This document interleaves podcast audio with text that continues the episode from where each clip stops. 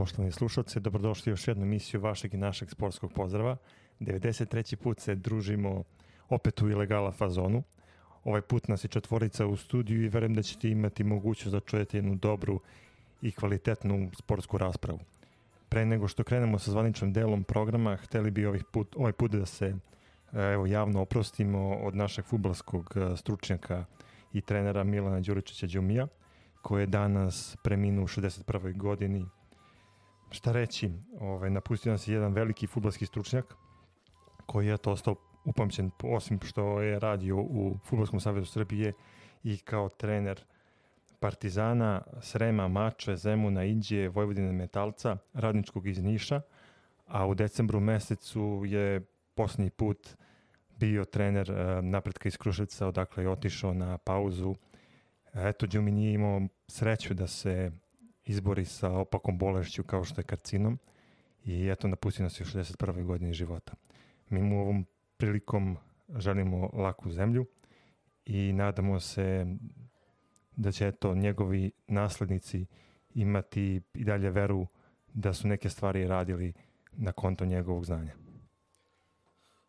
Nismo se oporavili ni od odlaska Milana Kosanovića, evo, opraštamo se od našeg džumija. Mogu slobodno da kažem našeg, zato što je o, svako ko voli futbol ga smatra svojim u Srbiji. Jednostavno radi se o čoveku kome možemo da se zahvalimo i za Litvaniju 2013. i za Mundialito 2015. jer je bio učesnik oba takmičenja. Bio je ovaj, stvarno je bio definicija čoveka i senke. Nikada u prvom planu, niti njemu to smetalo. Jednostavno je voleo futbol, želeo je maksimalno da radi, da stvara i da igrači napreduju. Ostaće upamćen po tome, a mali broj ljudi to zna, morali bismo se vratiti u 2006. godinu, kada je Miodrag Ješić na pripreme Partizana poveo čuvenu generaciju 8-8 Miloša Bosančića, Nenada Marinkovića i Sulejmanija i tada se mislilo da, ti, da će ti momci svi da vrede po 20-30 miliona eura. Đumi je samo dao izjavu da je preključio prvom timu Vojvodine. Ima neki mali Tadić, verujem da će biti najbolja desetka u Evropi i eto neka to govori koliko je Đumi znao, verovao i radio kvalitetno. Slava mu i hvala. Tako je, evo ja ću dodati par reči, ovaj, zaista upravo ono što si rekao, otprilike me ova vest pogodila isto kao kad smo čuli za Kosanovića, jer je otprilike tu isto, isto tako, tako bio čovjek, čovjek iz senke, čovjek vizije, stvaralac.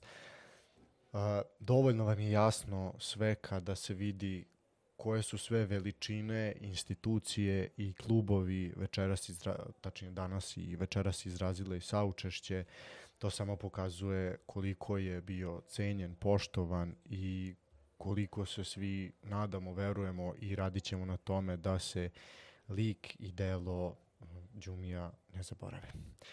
Ništa, idemo na pesmu pa krećemo redovno.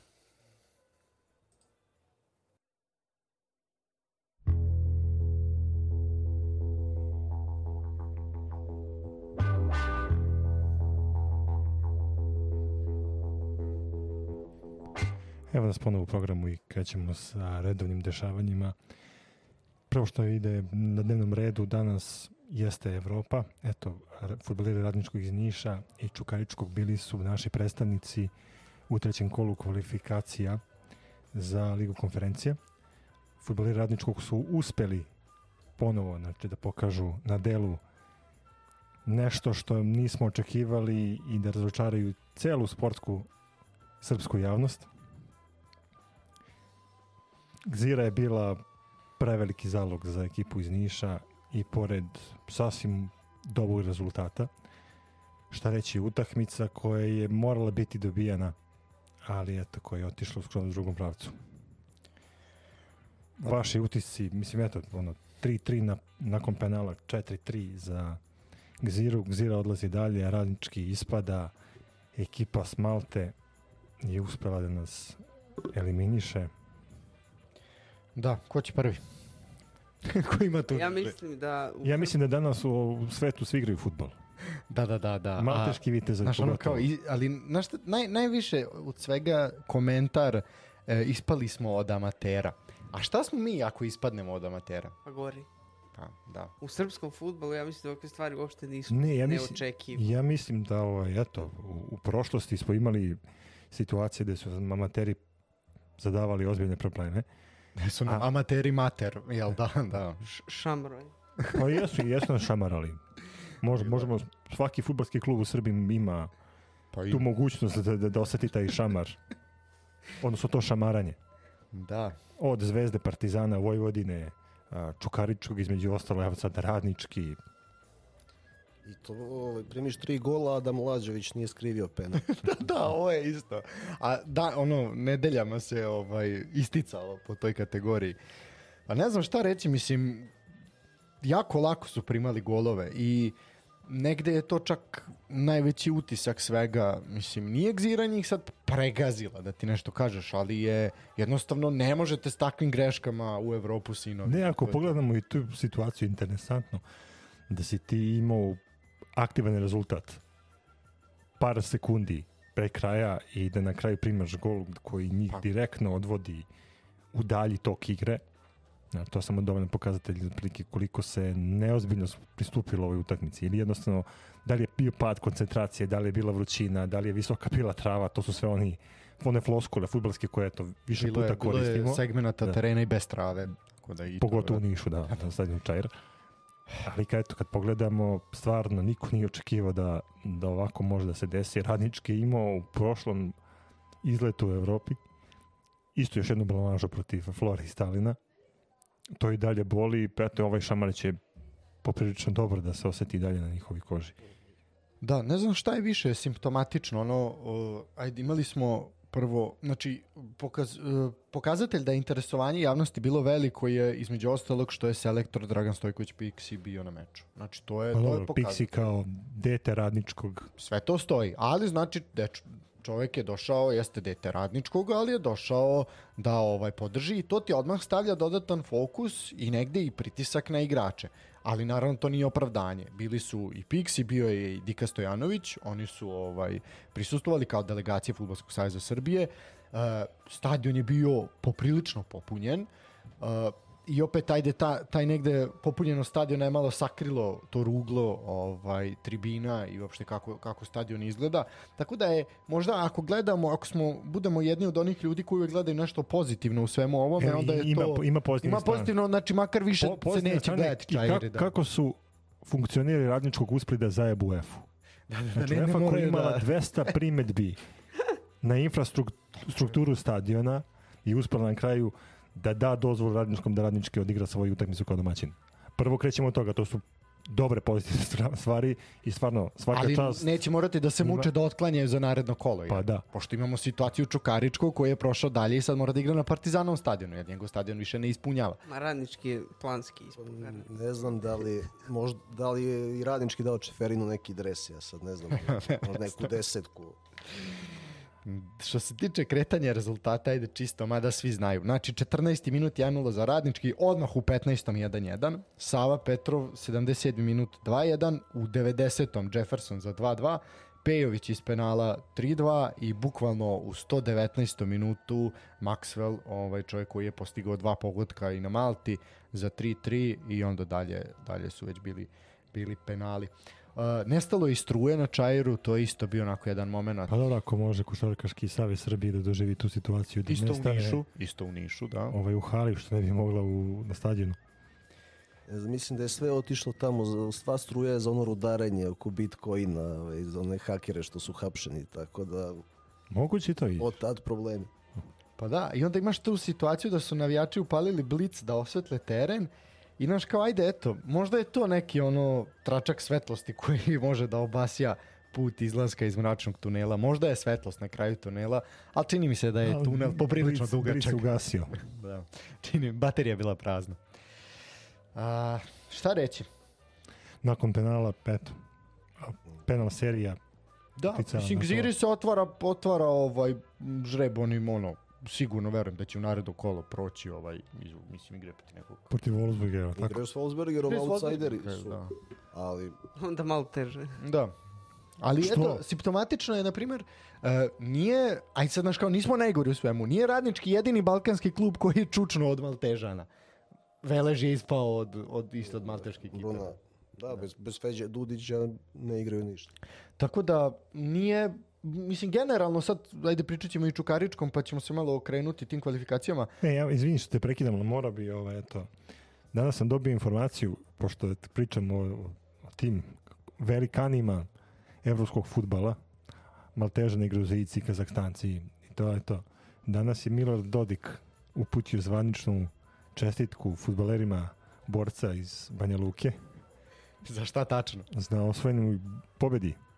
Oni su uspeli u ovom kolu da A, dobili su posušje, da. Da, da.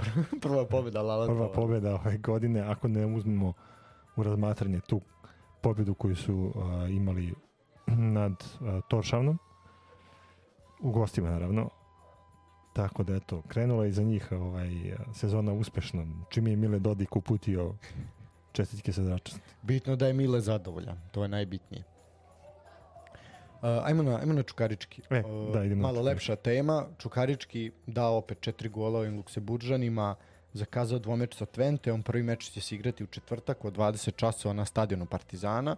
Rekli smo već, nema Bano Brdo kao i prošle godine, jel može samo prvo kolo da ovaj, da, da kažem, ispunite zahtjeve UEFA, već na narednom kolu mora da traži ovaj, bude podstanar. Uh, nema što se tiče ovog meča šta razlika u kvalitetu je ogromna pristup je igrača ono što raduje momci su izašli maksimalno ozbiljno Badamosi je pogađao pokazao pre svega svoje fizičke predispozicije a onda i kvalitet i talenat koji de facto postoji.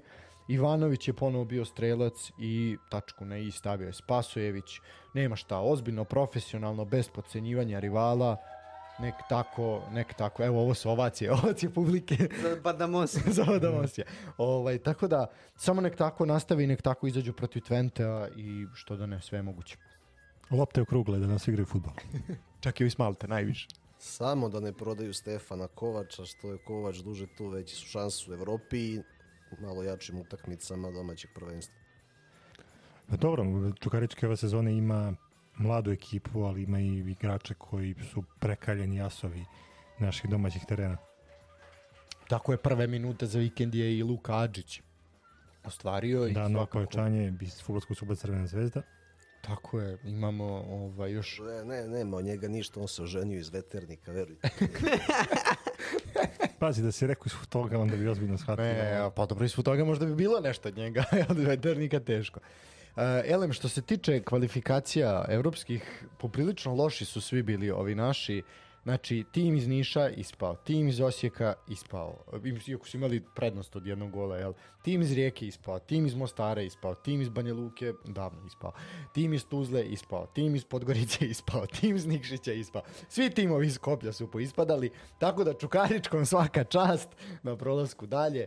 Uh, šta da kažemo, čekamo Twente. Uh, počinju i večiti rivali borbe u Evropi. Uh, Partizan će u četvrtak na Da, Kipar, ko- Tako je, na Kipar protiv ekipe Ajka iz Larnake. a Crvena zvezda u sredu dočekuje pjunik na Rajku Mitiću. Šta, ajmo, šta očekujemo? Pa ovako, očekujemo od Partizana da, da preživi pakao na Kipru. Zašto kažem pakao? Zato što se najavljuje 40 stepeni. Igra se u pola šest. I utakmica se igra u pola šest, upravo to. Evo zamisli, AEK Larnaka je uputila zvaničan zahtev UEFA da se utakmica pomeri za čak pola sata. Za pola sata. Za pola. Dosta. Pola sata je. Vidi, Naši- Pola sata je ozbiljno. Naši futboleri imaju vremena posle da se upuste u čari noćnog života na Kipru. Ali dobro, vidjet ćemo o tome. Futbaleri kako koji, neki su ženjeni porodični ljudi. Kakve to veze ima? Ali direktor, E, dobro, doći ćemo i do direktora. Uh, Elem, aj dobro, to ćemo kad budemo pričali o ligi. Ajde, to ćemo. E, a ovako, Partizan se, koliko je meni poznato, već sastajao sa Kipranjima i to osam puta do sada. Saldo je četiri pobjede, jedna nerešena i tri poraza. Od toga jednom je prošao dva puta ispao. I bilo je, bilo je, bilo u grupnoj fazi. Bilo u grupnoj fazi protiv Anatozisa prošle godine. Tako je, tako je. Pa da, i tu je bila jedna pobjeda. Sve u svemu, eto razloga za bojaznost, eto razloga za brigu. trenutna forma Partizana u domaćem prvenstvu navijačima i ne uliva neko preterano stanje optimizma, ali eto, futbal je čudna igra, 180 minuta plus nadoknada vremena je dovoljno da se možda napravi iskorak dalje, koji bi ovde u ovom slučaju Partizanu znači više od titule. Ili da se u kanali još više. Ili da su kanali još više. Da. Zašto kažem više od titule? Zato što Partizan bi eventualnim prolaskom u narednu rundu sebi omogućio igranje u Evropi ove godine. E sad, da li u uh, Ligi konferencija ili u Ligi Evrope, uh, mislim da su već iz- izbacili ovaj, potencijalne rivale. Jesu, Lukiću, ti si to, ovaj, ajde, istraži, ti si to bio poslao. Samo Dok, malo. dok Marko nađe ovako, što se tiče ostalih predstavnika u Evropi, znači Marko tradicionalno, nađe žreb, ne može idealniji da bude, izbegnuti su Kelni Nica. to je to.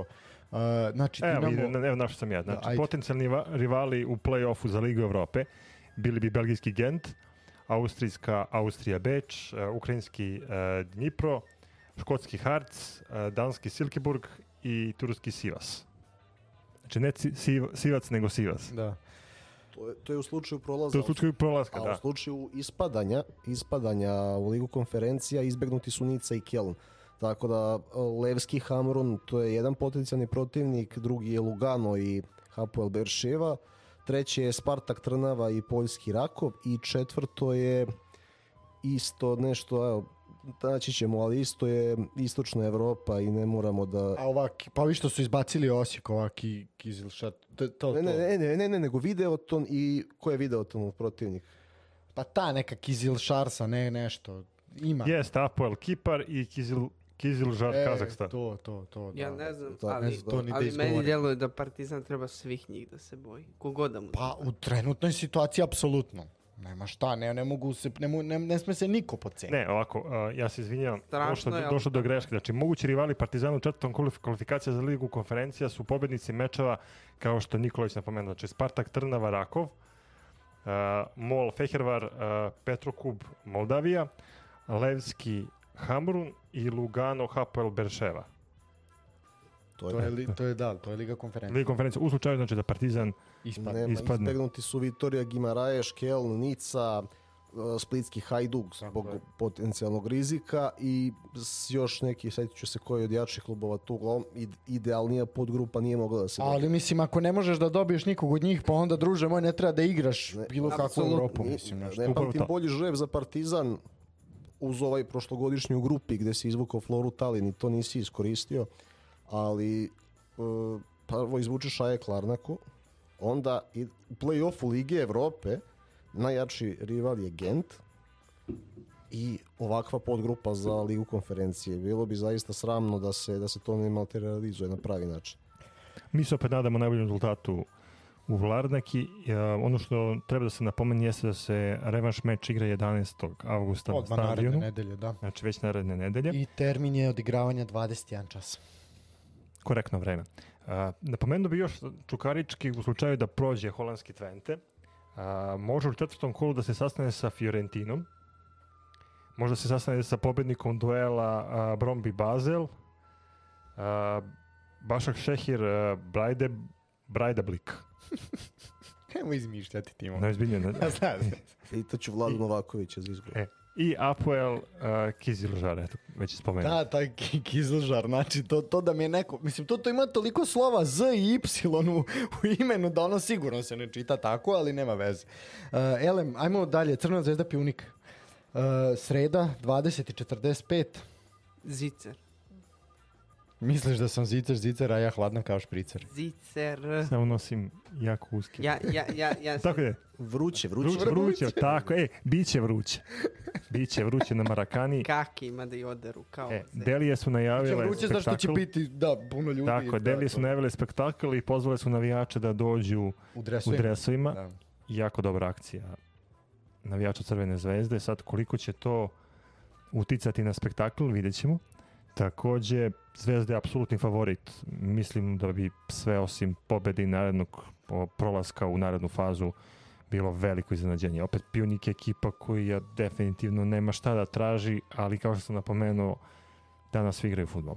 Da, što se tiče ostalih predstavnika, u utorak Dinamo izlazi na teren protiv Ludogoreca, ide u Bugarsku. Saša Ilić je sa CSKA... Što te prekidam, koji put od prve titule Ludogoreca i prvog izlaska u Igraju igraju Ludogorec da. i Dinamo? Ovo, Znači, ja mislim četvrti put. Tako je, tako. Mislim, evo, mo- možemo proveriti sad koliko Čini je mi bilo. se minimum treći, ali možda čak i četvrti. Uh, igrali su, sad ću ti reći, Štede Balkanci za putni trošak pa greju kuglice. evo, pa četiri puta su igrali. Četiri puta su igrali, da. Uh, jednom u Ligi šampiona i jednom u Ligi Evrope. Uh, Saša Ilić je sa CSKA prošao, prošao ovaj, dalje i Tufekđić je bio strelac, jedan od strelaca, tako da eto, to je, to je lepa vest. I igraju kao domaćini protiv St. Patrika. Eto, to ćemo... Mislim, naši su, aj kao, jes Bugari, ali su naši.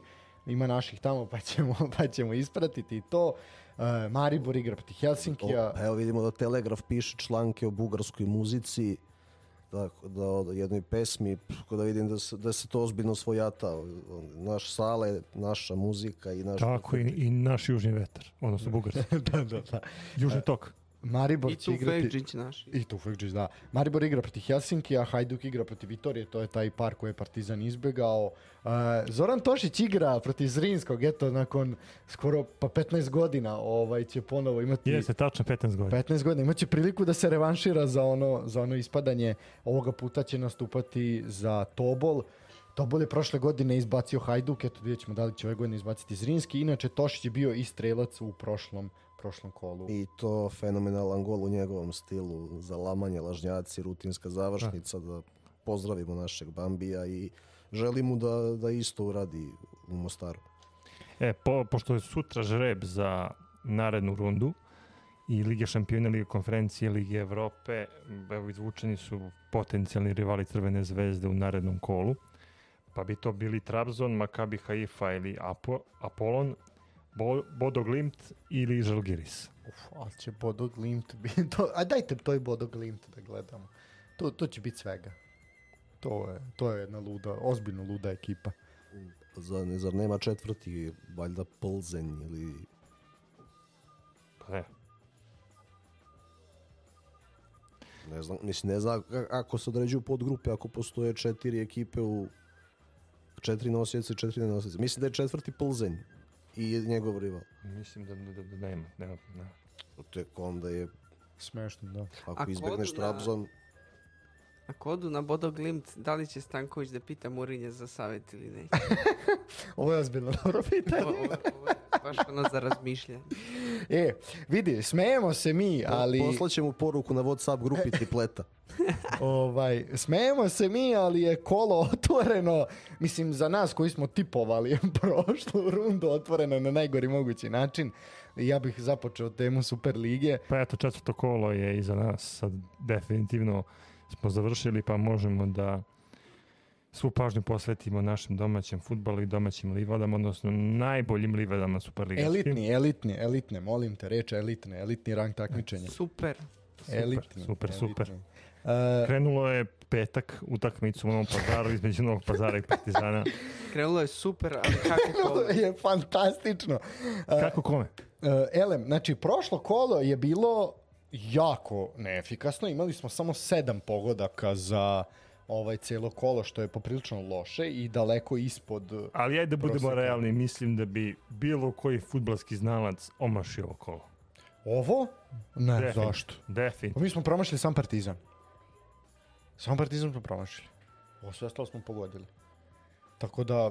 Je, Ali opet ste promašili.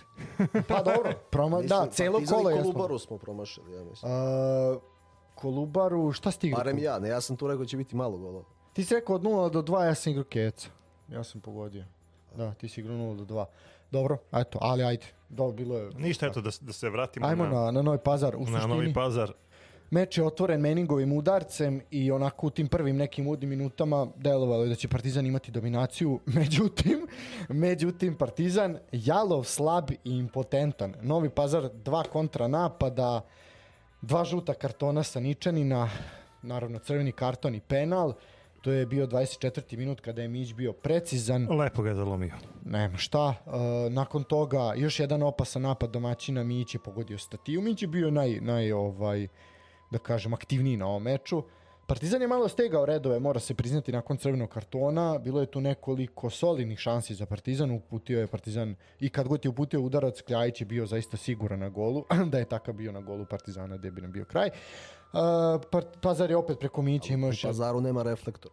Tako je, pa nema šta da mu smeta. ovaj, e, preko Mića imao još jednu zaista ozbiljnu šansu da stavi tačku, ovaj, definitivno na meč kada je pogodio, pogodio stativu, ali eto, tim promašajem je negde produžio nadu gostiju da mogu do nekog nerešenog rezultata, ali jednostavno Partizan nije stvorio ozbiljnu šansu, nije pripretio i ono što je rekao Gaćinović nakon meča, e, ja se apsolutno slažem sa njim, a to je da su mogli da natrpaju mrežu do vrha i zaista, zaista su mogli. Realan rezultat ove utakmice je 2 ili 3 0 za Novi Pazar. Toliko je Pazar bio zapravo dominantniji. Uh, jeste, Gaćinović je rekao i to je sve što je rekao i zaista jedna lepa i kvalitetna izjava nakon meča da je svesno su prepustili Partizanu da kombinuje jer ono to kombinovanje je bilo poprilično jalavo i puno grešaka, to će svakako Nikola ovaj bolje objasniti. Uh, I jednostavno su onda, onda iskoristili te greške i dolazili do šanse. Ilija Stolica ponovo bez neke, bez neke ovaj, izjave jednostavno rekao crni karton je bio ključan za utakmicu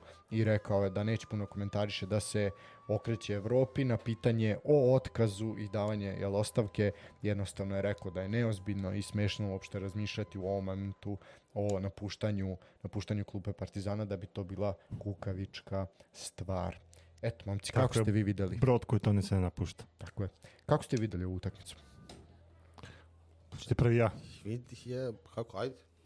Pa eto, Partizan skroz smušeno deluje od početka sezone. Ta pobeda protiv Javora je bizgleda ispala samo puka neka sreća. Sve ostalo... Pa vidi kako Javor igra, pitam se kako je Partizan upravo, pobedio. Upravo to. Ovaj, Partizan ne deluje kao klub ali opet Partizan je u fazi stvaranja tima i mislim da treba rukovodstvo kluba ili već neko od predstavnika Partizana da izađe pred javnost i da kaže ljudi, mi smo u situaciji stvaranja tima, mi smo u situaciji stvaranja neke nove igre, nekog novog sistema, dajte da malo labavimo s očekivanjima, jer mislim da je javnost ove godine podigla značaj takmičenja obzirom da se prvo mesto vrednuje najviše od kada se igra ova naša liga, a to je ulazkom u Ligu šampiona. Drugo mesto zagarantuje kvalifikacije za Ligu šampiona. Pet sezone svi su već videli Partizan i Zvezdu kao dvojac koji će prigrabiti ta prva dva mesta. Međutim, umešala se Vojvodina, umešaće se Čukarički, uh, ima tu još timova koji mogu da, naravno TSC, ima tu još timova koji mogu da, da napadnu to mesto. Partizan ima problem, prvo što je otišao Aleksandar Stanojević, drugo čini se da je dovedena osoba koja hoće da prepravi taj Partizan, odnosno da te rupe zakrpi iz prošlosti. Međutim, kako stvari stoje, te rupe se otvaraju. Potrebno igračima vremena da se ukombinuju. Partizan po meni ima jači tim u odnosu na prošlu sezonu, ali kad vi to pogledate na terenu, to delo je jako slabo. A, takođe Partizan ima mogućnost da sebe sam kanali dodatno, a to je upravo sa manjkom samopouzdanja. Čini se da oni pred svaku utakmicu ulaze kao da igraju na krvi nož.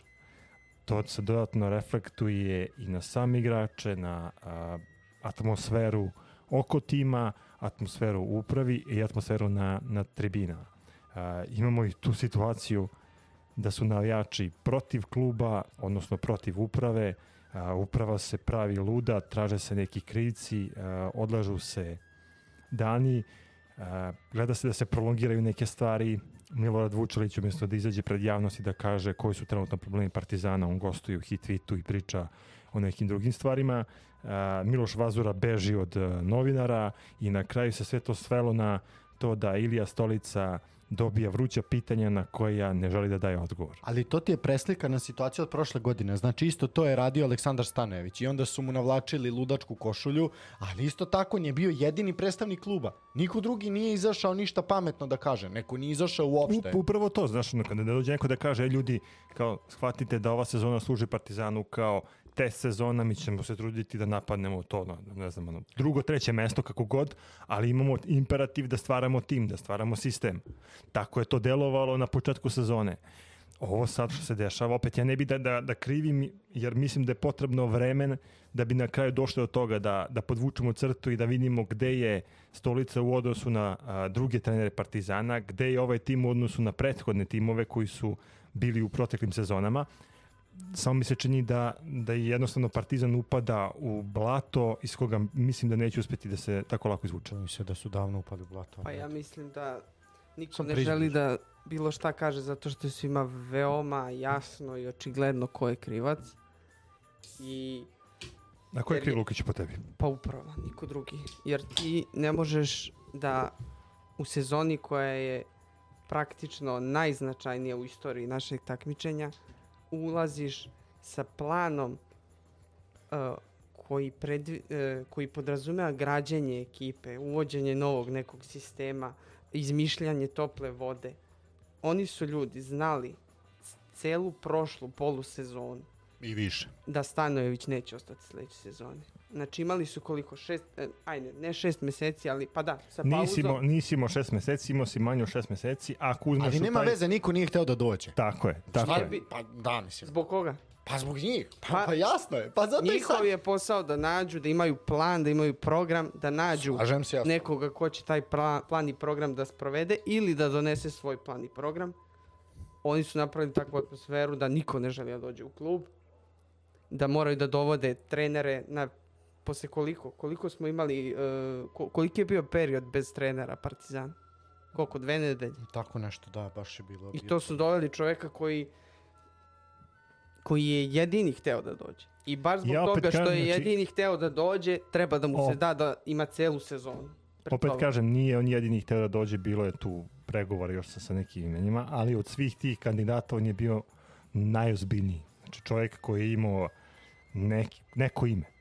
A, Pa imaš, hoće Albert nađe, ali da, mislim, što kaže Stefan, nije. ja, ja iskreno ne bih volao da vidim Alberta Pa ne Nađa bi na, ja, na klupi Partizana. Ne, ja, ja bih volao jer navijači to zaslužuju, a mislim da bi se i s- oni kojima je Aleksandar Stanojević ikona obradovali prvoj nađavoj konferenciji jer bi to verovatno bio sličan medijski nastup. Tako je.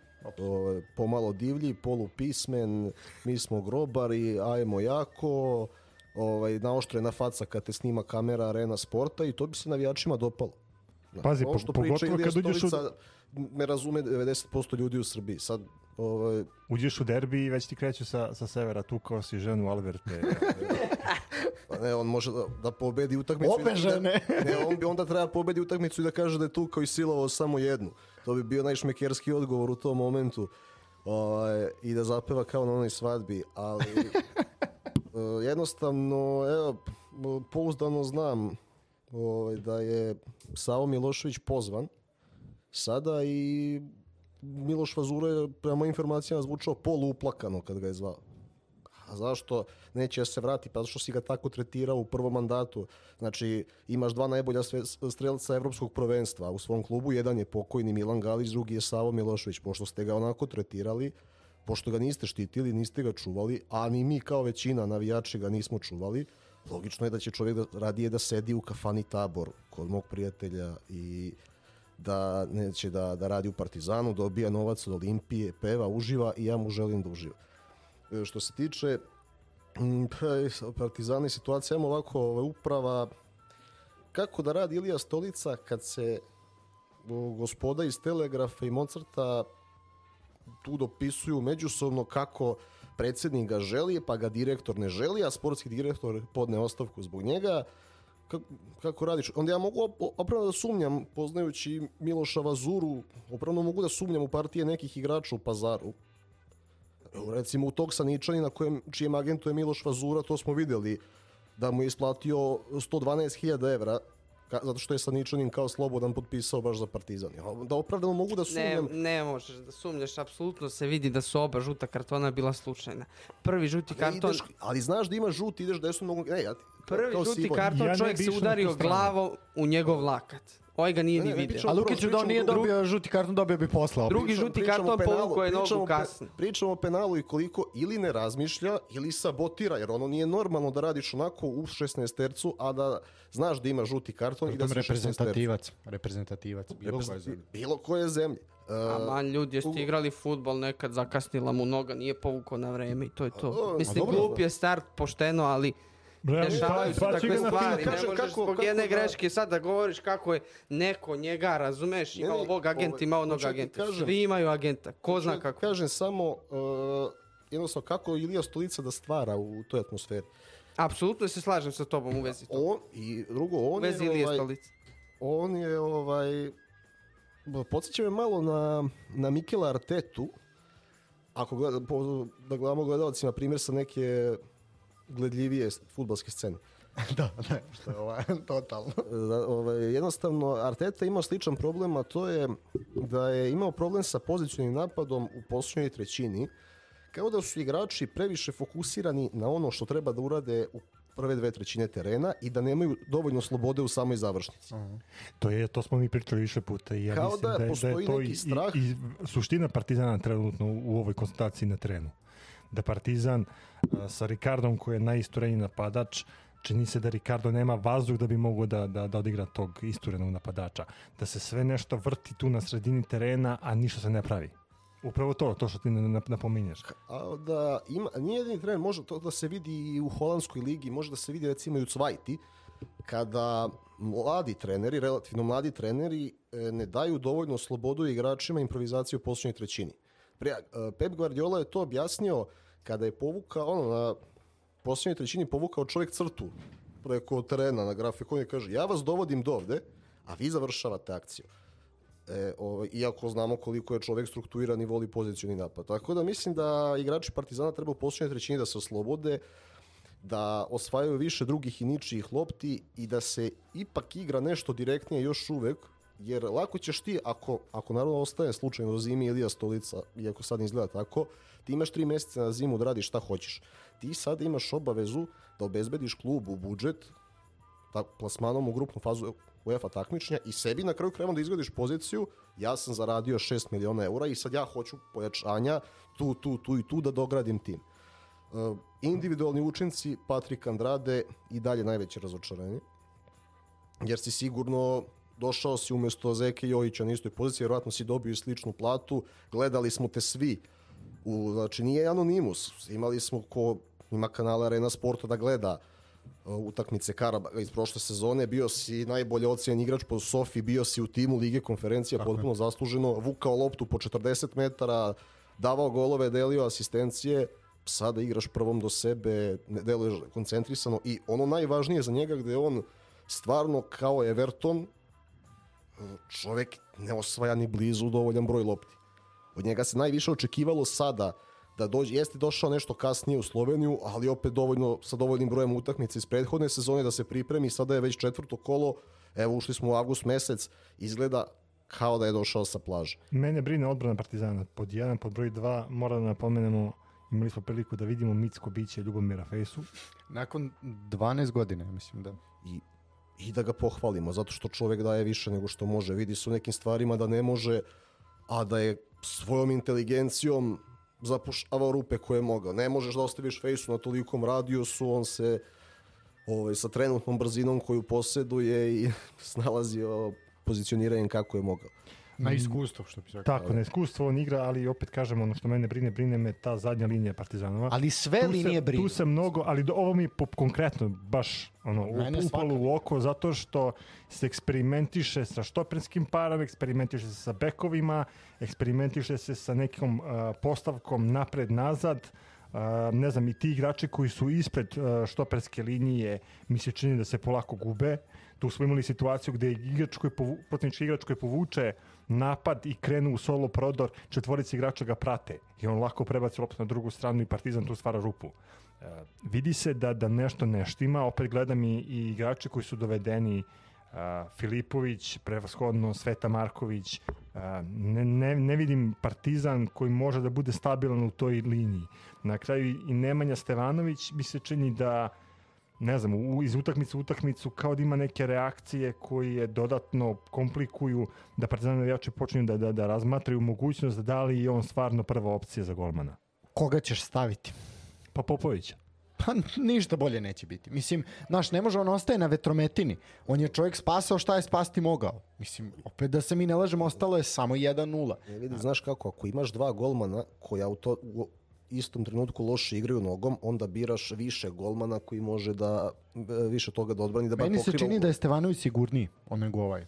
Pa on, on jeste u, u prirodi i u životu sigurniji i glasniji. Evo, e, treba Popović od njega da pokupi to da kontinuirano priča tokom utakmice. Tako je, to se. Sad ja ne znam kako glas Nemanje Stevanovića koji je sličan glasu Nešet Vinsa utiče na Vujačića i Saničanina, ali činjenica je da je, da je on glasniji.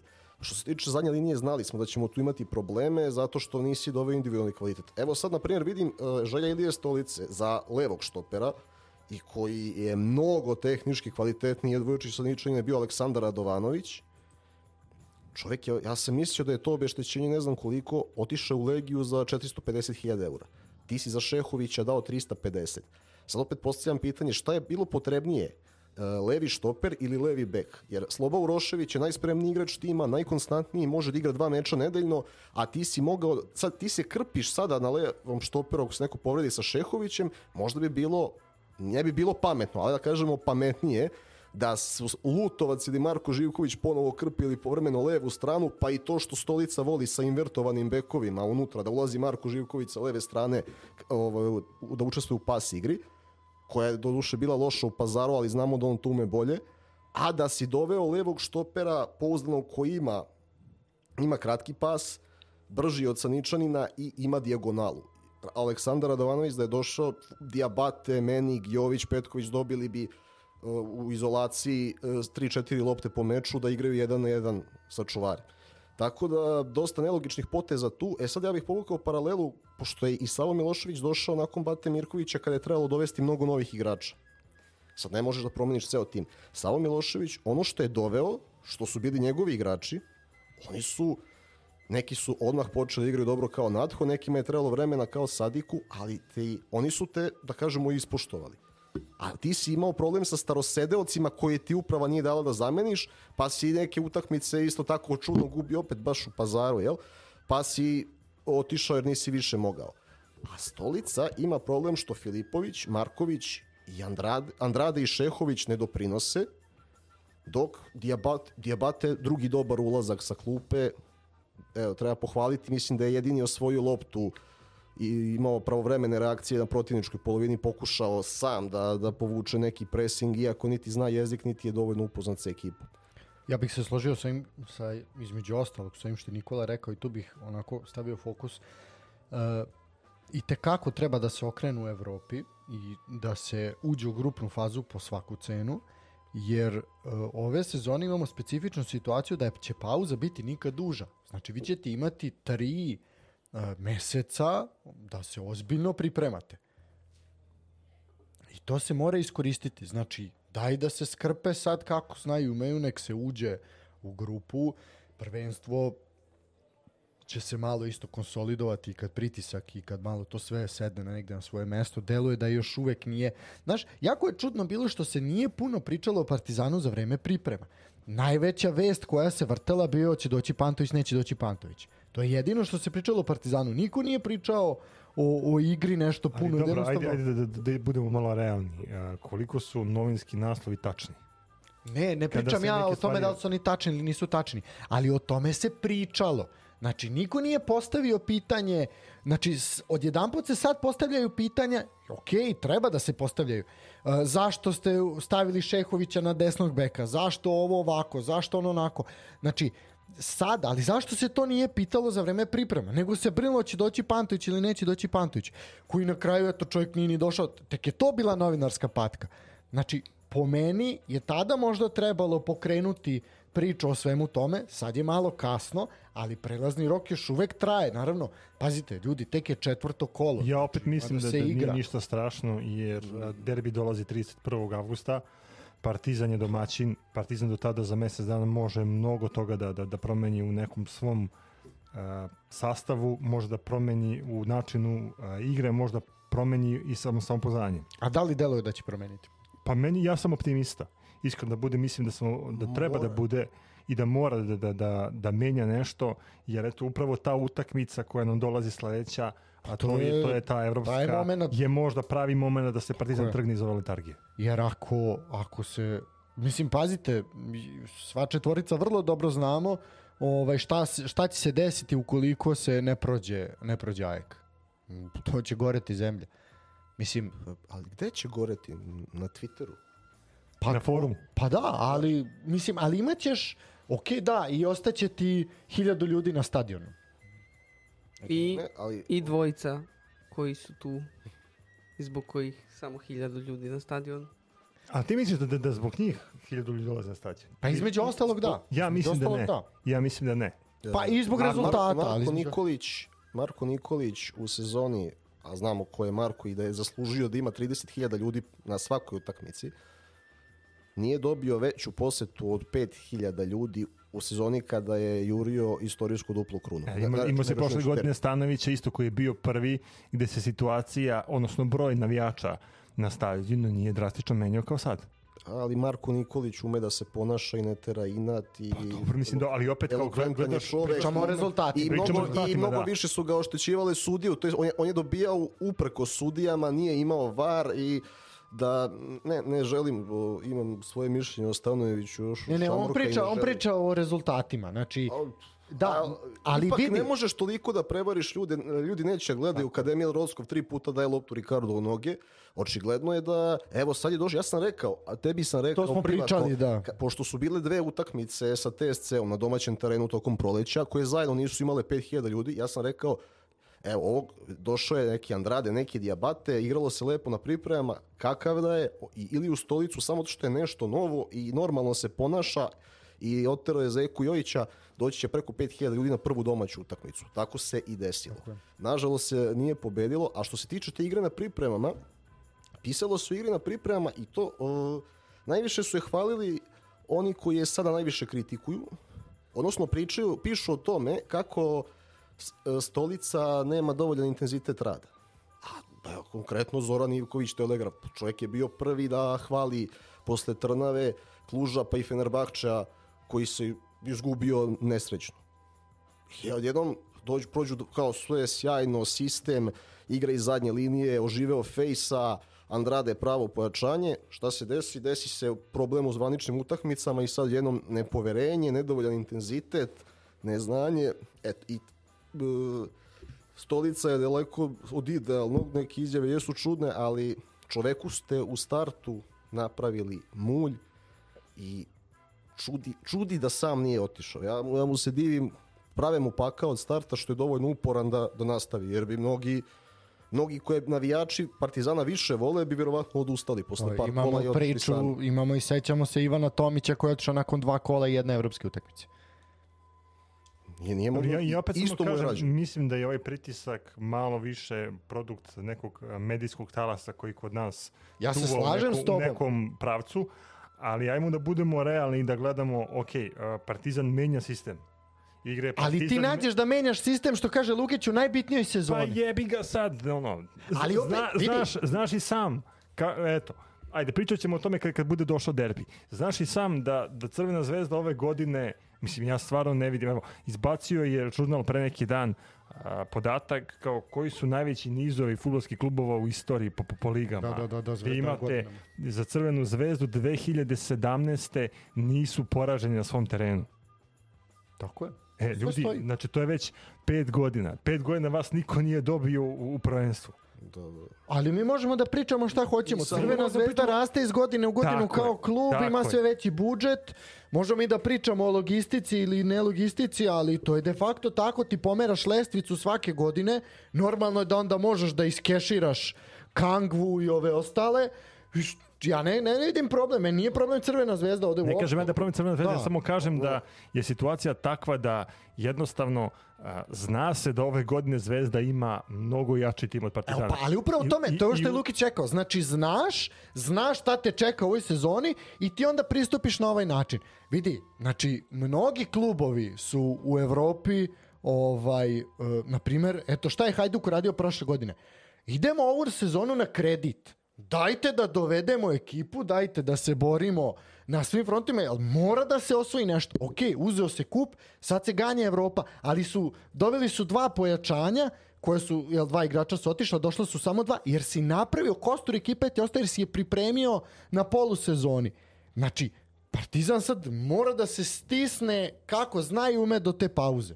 Jer tu ćemo, ovaj, da kažem, podlačiti crtu, da vidimo šta smo i gde smo. Ili I onda do te kreće. reprezentativne, pa onda, znaš, imaš mogućnost dve nedelje da malo... Malo je, malo je, pripreme, Jeste pripreme. malo, ali opet iz utakmice u utakmicu trebalo bi ekipa da raste.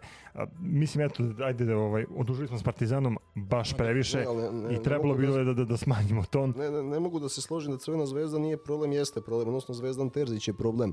Jer To je taj druga način, priča, e, taj, da. na, taj način funkcioniše sad ako ja od vas trojice uzem po 5000 dinara i ovaj, ja imam 15.000 i ja odem večeras ovaj, na, na splav i okačim story na Instagramu i ja sam mega car da to ljudi vide, a vas trojice ne možete odete popijete kafu zato što ste meni dali po 5000. E, ta, tako funkcioniše Zvezdan Terzić i to, on šta god uradio, to bezgranično kreditiranje Ne, ne, ne, ovde poenta je, poenta je ovaj da Partizanu ovaj put nije kriva Crvena zvezda. Ne, ne, o, ne, u tom smislu ne. A šta Crvena zvezda radi, to je sad priča šta Crvena zvezda Ja, radi. ja E, pričam, ja pričam od 2015. da Partizan ne treba da trči tu vrstu trke sa Crvenom zvezdom, a to navijači ne razumeju. Tako I je, mora- niti može. I, ner, i, evo, i, ner, i nervira me što je nestao, da završimo evo s Partizanom, nestalo je to šta god da se desi, a šta oni rade. Nestao je taj duh e, identiteta gde nas zanima samo naš klub i onda mi imamo našu priču i vi ne postojite. Tu vidimo se kad dođe derbi i ćao. Da se tako funkcionisalo, a to su pojedini treneri želeli, možda bi bilo bolje. Malo ljudi ne, gleda širu sliku. E, idemo dalje na sledeću utakmicu. Samo jedan fazon, jedan fazon, pa prelazimo na Crvenu zvezdu i radnik iz Surdulice. Ovaj, nećemo puštati muziku Lukiću, internet na zeza, ovaj, džabe mi mlatiš tu, da slobodno pričaj. Okej, okej. ne, zato što ne pusti, razumeš, pusti 30 sekundi i prekine. Zato idemo sa pričom, a i svakako smo već na 55. minutu. Uh, tako da će ovo biti jedna sušna emisija, v, vruća i sušna. ovaj, bez... A imamo čime da A se imamo evo, poruka sponzora. Šte, šteta, ja sam htio ti predložim da staviš jednu pesmu za Ivicu Ilijeva, Ovaj. ovaj, pošto smo u duhu ovaj, strane muzike. Htio sam da staviš Hit the Road Jack i da tako Putuj napravimo selom. pauzu. Putuj se Ima, ima dosta takvih pesama. Da, ali problem je što ja, neće ja ću otići. da mu otpevam. Problem je što neće otići. Znači, to je priča kao i prošli put. Da, ajmo sad i Lijeva da obrazložimo. Pa Ajde, da, onda pa da da, zatvorimo Partizan i onda ajmo... Da. Šta da ga obrazložiš? A šta da obrazložiš? Uradit će čovjek što je prošli put. Dao ostavku, niko, niko nije objavio iz kluba da je on otišao. Da, on je dao, to je samo, on je samo svoju izjavu, ovaj, ima svoje saopštenje. Pazi, li, lično saopštenje. E, Do, duše i već tada, kod te prve ostavke, ovaj, gospodin bivši potpredsednik ovaj, se ogradio tada i rekao je da je što bi on rekao, kooptiran na drugu funkciju u klubu. Sada možda, možda i jeste kooptiran na još neku novu izmišljenu funkciju u klubu, ali nije bilo bivšeg potpredsednika da to objavi. Navodno nema više nikakvu funkciju sada. Da li će volšebno da ga vrate, teatralno i to ne znam, ali meni neće nedostajati. Nije ovako subjektivno kao navijaču, ni objektivno kao ljubitelju futbala, jer Ama ljudi, on će biti tu, bre. Pa dobro, ali tako nekako se ponašati. Dok god ja budem vidio njegov Porsche parkiran ispred službenog ulaza. Možemo mi da pričamo što Može. hoćemo. Ako nastavi da puši Tompus i u Tompusu za ovu kubansku muziku i te, da objavljuje te snimke na, na društvene mreže, možda mu i oprostim Realno za jedno možda. 15 Možda ćemo godina. pored Porschea uskoro gledati Range Rover, vidjet ćemo i to, to je posebno. Da. E, idemo dalje. Da, evo ovako, da. Znači, mali savjet svim, pošto znamo da je većinsko slušalaštvo ovaj, navijača Partizana, tako je, ovaj, da, eto, kada budete aplicirali, pošto sad je kriza, traže se poslovi i sve su uglavnom neki stresni poslovi i koji zahtevaju onako da budete mentalno na nekoj uh, višoj, višoj razini, što bi rekli. Znači, kada aplicirate za neki ultra stresan posao, naftna platforma, ne znam, kontrola leta i tako dalje i tako dalje, Plaćeni. vi Rad u možete pod pod ovaj ono dole da dodate znači vozač B kategorije ili C, slobodno stavite 20 plus godina navijač Partizana, jer sa takvim iskustvom i takvim stresom a realno možete ono nuklearni program da vodite i da lansirate rakete, ruka će vam biti Kontrolor leta, lagano. Kontrola lagano, lagano, bez, bez razmišljanja. E, ajmo na Crvenu zvezdu. Crvena zvezda dočekala nikad slabiji radnik, radnik koji ne zna gde udara, ekipu koja im je prošle sezone zagorčavala život jedina. Mislim da je bilo vremena da se istresu onako. Da, radnički je Da- da došao bez ruku istresu. trenera, bez trenera su došli i jednostavno e, moglo je biti i mnogo, mnogo ubedljivije. Mislim, sad to opisivati svih šest golova je malo suludo, ali ovako, Rodić je imao zaista, zaista odlično... Ja, izvolim.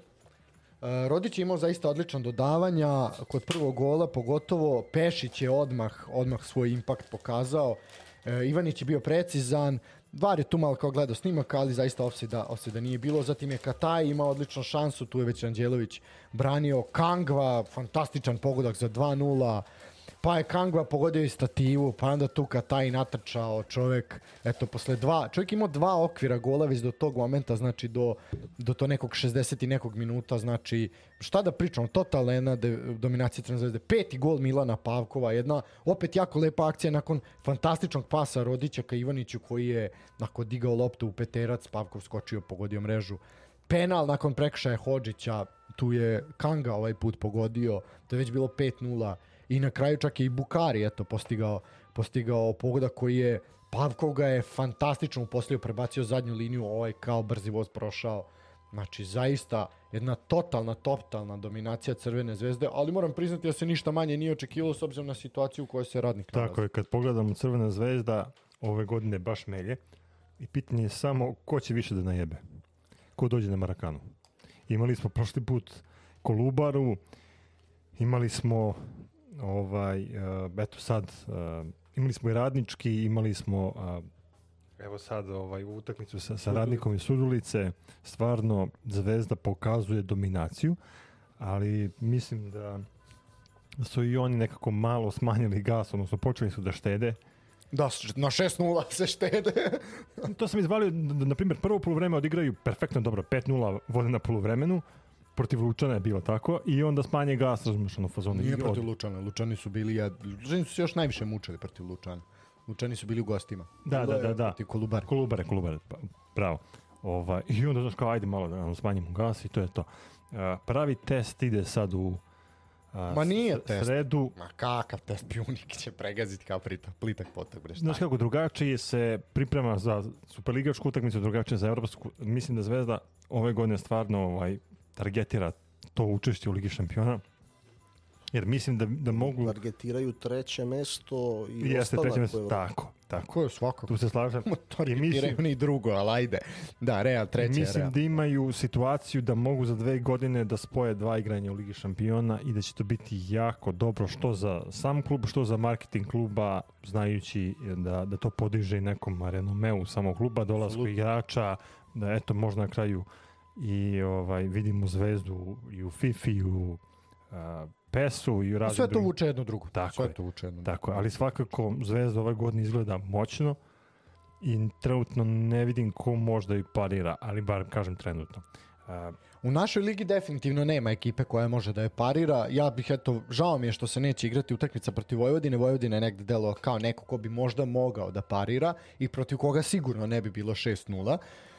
Ali mislim da ćemo, nažalost, do tog oktobra, kad se ove dve ekipe budu sastajale, pitanje je kakvim će biti momentumima i formi tada. M, Jedino da vidimo u toj Evropi ko može da parira Zvezdi. Ja mislim da Pjunik nije ozbiljan protivnik i da će to biti, neće biti 6-0, ali će biti poprilično lako. To je moje viđenje. makar. dobro, idemo dalje. Sledeći. Nikola, Jel mora dalje? Ne, ne, Može, ne, može, ajde, može, reci. reci, Jedna kratka konstatacija, obzirom na to da je mm, Kingsa Kangu poslao Miodrag Božović, a da su igrači koje on dovodio kao trener u Zvezdu kasnije igrali bolje kod Vladana Milojevića, su se bolje fizički spremili, možemo da konstatujemo da je Božović bolji skaut nego trener. Na Kangvi svaka čast, e, jeste 800.000 eura obeštećenja, ali recimo vidjet ćemo kad dođu ozbiljnije utakmice da li je Bukari preplaćen ili nije, ali za Kangvu nemam nikakvu dilemu, moderna osmica, mlad igrač, igrač kojeg oni, koji ne prodaju igrače shodno rezultatima, mogu konačno naprave neku elitnu godinu da, da, sa, Kangvom i eto Kangva dok je u Srbiji da bude primer mladim vezistima mogu da nauče mnogo toga i trenerima kako da stvaraju osmice. spomenuo Stanislav Vojvodinu, pa idemo na sledeću utakmicu, to je utakmica u Kragovicu između Radničkog iz Kragujevca i Vojvodine. Tako je. Utakmica je koja je igrana po najčudnijem vremenu ovaj vikend uh, i utakmica koja je više ličila na Vaterpolo. nego na, na futbol. Pa da, mislim, u- ajde, nema šta da se priča o Crvenoj zvezdi, mislim, znam da nam zameraju, ovaj, dobili smo komentare ovaj, da pričamo sve najlepše o Crvenoj zvezdi, mislim, nije sve najlepše, to je jednostavno realno tako, kritikovat ćemo ih kad bude bilo nešto da se kritikuje i nešto da se priča, ovo je sve toliko čisto ljudi da nema čemu da pričamo, zaista. Što se tiče radničkog, da, ozbiljno nevreme je pogodilo taj deo Srbije i u nekim momentima čak se razmatralo da li će se igrati, neće se igrati, ali ajde, teren na Čikadači je prošao neke kriterijume koje i kakve ne znam, ali eto, ljudi su odlučili da se igra, Odskočila je lopta. odskočila je lopta. Jeste, odskočila je da iz jedne baru, Da. kao, kao žabica. Meda je izašao iz pećine, video je senku.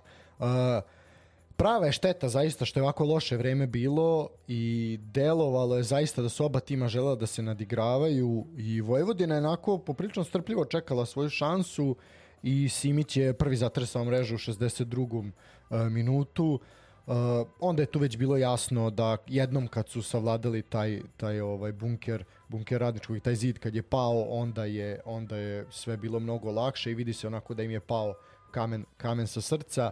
Ušao je Malbašić u igru, eto momak koji je pojačao pojačao Vojvodinu, eto pre samo nekoliko dana je potpisao ugovor, odmah je, odmah je dao svoj impakt na terenu, čovjek je postigao pogodak, lepo je bio je na pravom mestu, postavio nogu, 85. minut 2-0, Vojvodina, bitni bodovi, e, bitni bodovi iz jednog ugla, jer ovakve utakmice Vojvodina prethodnih godina znala da ne pobedi i znala je da prospe bodove na ovakvim utakmicama. E sad ovo pokazuje neku, neku ozbiljnost i sad pokazuje se zapravo kolika je šteta što se nije pobedio Spartak u Novom Sadu.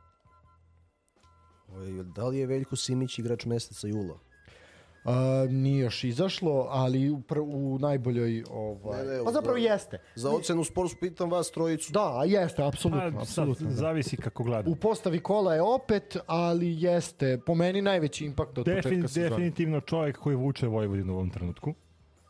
Pa ne možda baš da vuče, nije on jedini, ali... Pa ne, ali vuče. Znači, to, to, ono, Vojvodina je igra na, na neku snagu ne znam kako da to objasnim, igraju Nije, drugačije. je, ali Ne, nije Nije jedini, jedini, da. ali on vuče. Znači, on je taj koji ono, povuče lider je spaseno- na terenu, da. tako je. Ali ima tu i to je ono što isto. Prošle godine si imao Čovića koji je bio taj koji je vukao, koji je bio lider, ali bio sam. Nije imao ko da ga, eventualno Simić kad je bio tu pa je mogao da ga isprati, ali sad on ima nekoliko igrača, pogotovo sad je došao Malbašić. Sad će svima biti malo lakše, jer opet imaš jednog još izuzetno kvalitetnog za naše uslove igrača koji će svakako praviti, praviti razliku.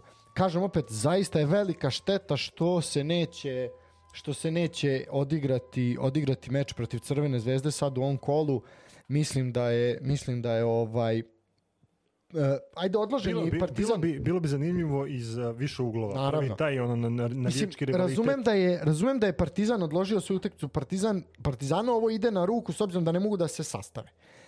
Ali mislim da je Zvezda trebala da odigra svoju utakmicu, jer ljudi imaju 50 igrača u rosteru. Pa daj, ono, nemoj me zezati da ste se uplašili Vojvodine. Malo to, malo je onako, malo je bez veze, ali dobro. Bi? Što bi? Što bi, Ok, imaju pravo. što bi morali da imaju pritisak da igraju kad Partizan ne igra? A prvo je Zvezda odložila. Tako, prvo je Zvezda. Prvo je Zvezda, Partizan je tek danas Da. odložio. Pa dobro, što? Ali, Ponovi- Aj, oj, brate, mili, sva sredstva Pričali smo više puta o tome prošle Ne, sad kažem ja, imaju to čudi. pravo. Znači, nije sporno.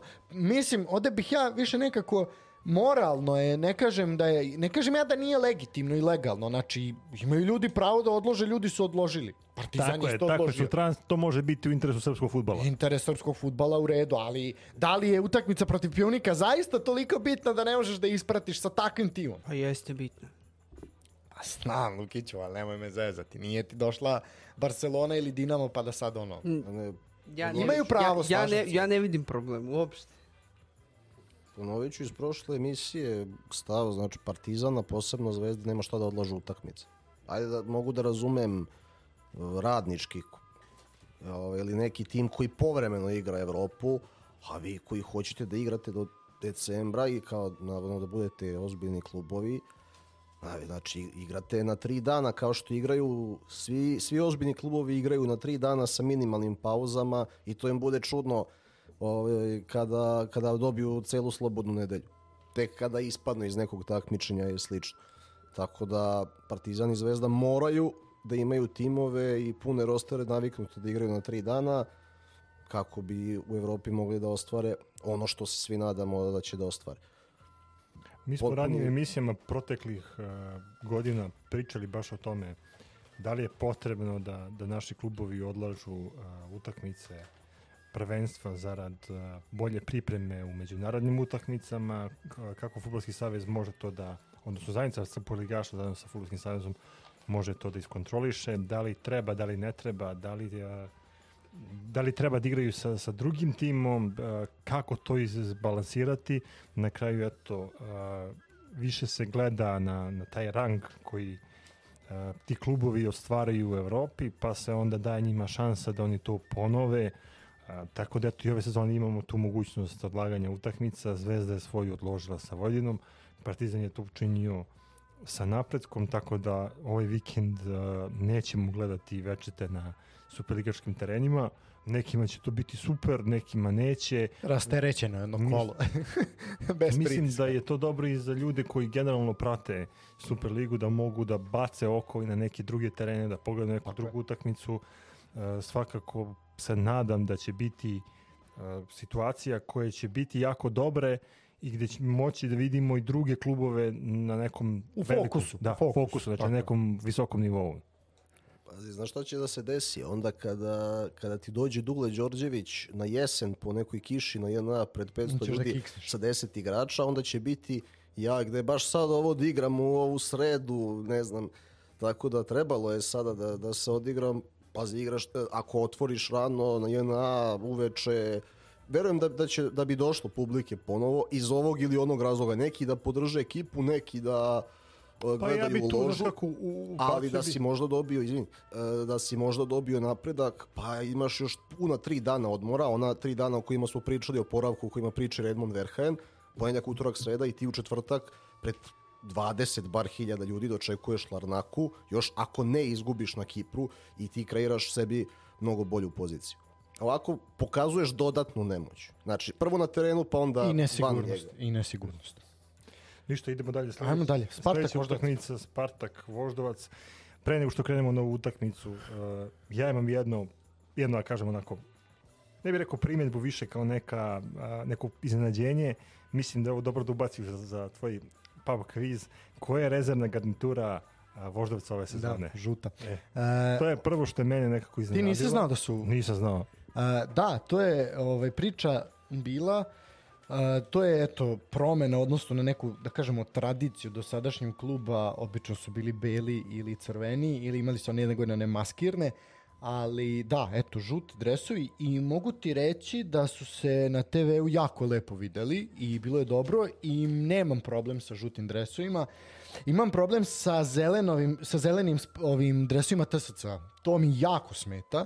Ne zato što je iz nekih nacionalističkih razloga što je to ili patriotskih što je to ovaj, Oda Ferencvarošu, nemam problem sa tim. Problem je što se ljudi ne vide na terenu kad ih gledaš iste nijansa kao trave.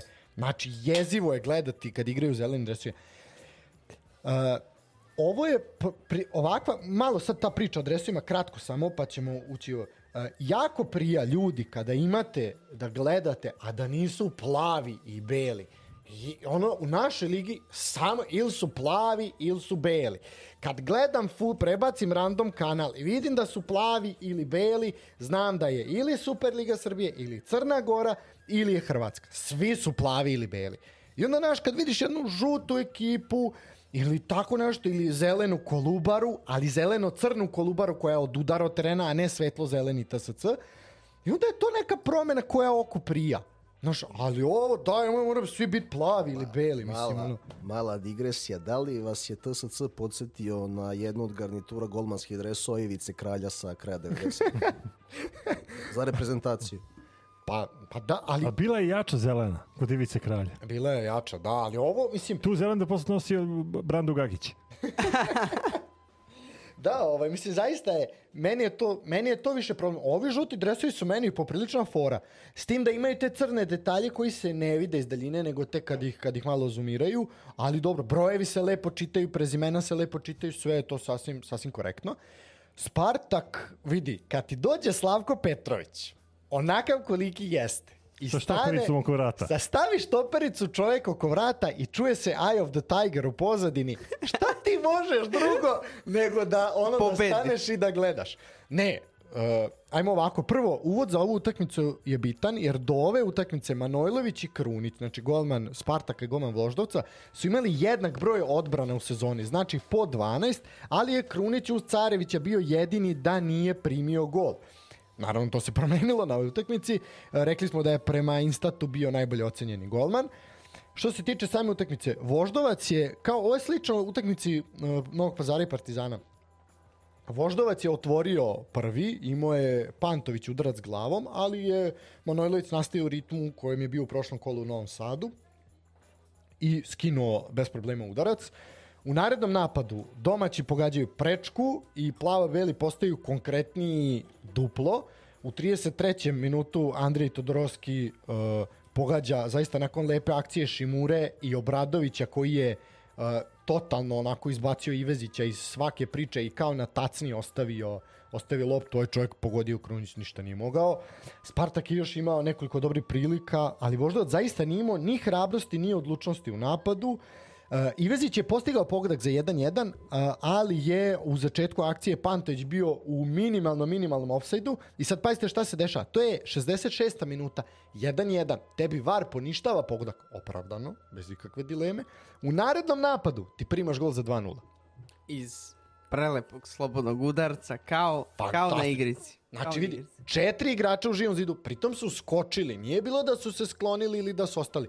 Momci su skočili koliko, em su visoki, em su skočili, odrazili se. Čovjek pogodio dalje ugao, prelepo. Nacrtan gol. Na- Nema šta, znači, sa 25 metara. Nema šta, precizno i snažno. E, Marko Bradović imao još nekoliko šansi. Eto, čovjek je upisao, da kažemo, manje više, ajde, dve asistencije do sad. E, I evo, postigao je i prvi gol u 78 minutu. E, ukupno treći na ovom meču. Ponovo je dobio duel sa Ivezićem nakon kornera. Bukvalno, znači, nije ni skočio. Ivezić je nekom povlačenju pao. Čovjek se samo poklonio, udario loptu, udario loptu glavom, tako da, eto, za dva, za dva gola je Ivezić onako poprilično, poprilično kriv i njemu je, eto, i kao kapitenu falila čvrstina, ali zaista i ostatku, ostatku ekipe uh, s- nekako nije to bio taj voždovac koji smo navikli da gledamo iz ona prva dva kola gde smo i zaista eto, i Nikola i ja prošli put hvalili, a i Stefana i ti ja ovaj, posle, posle prvog kola.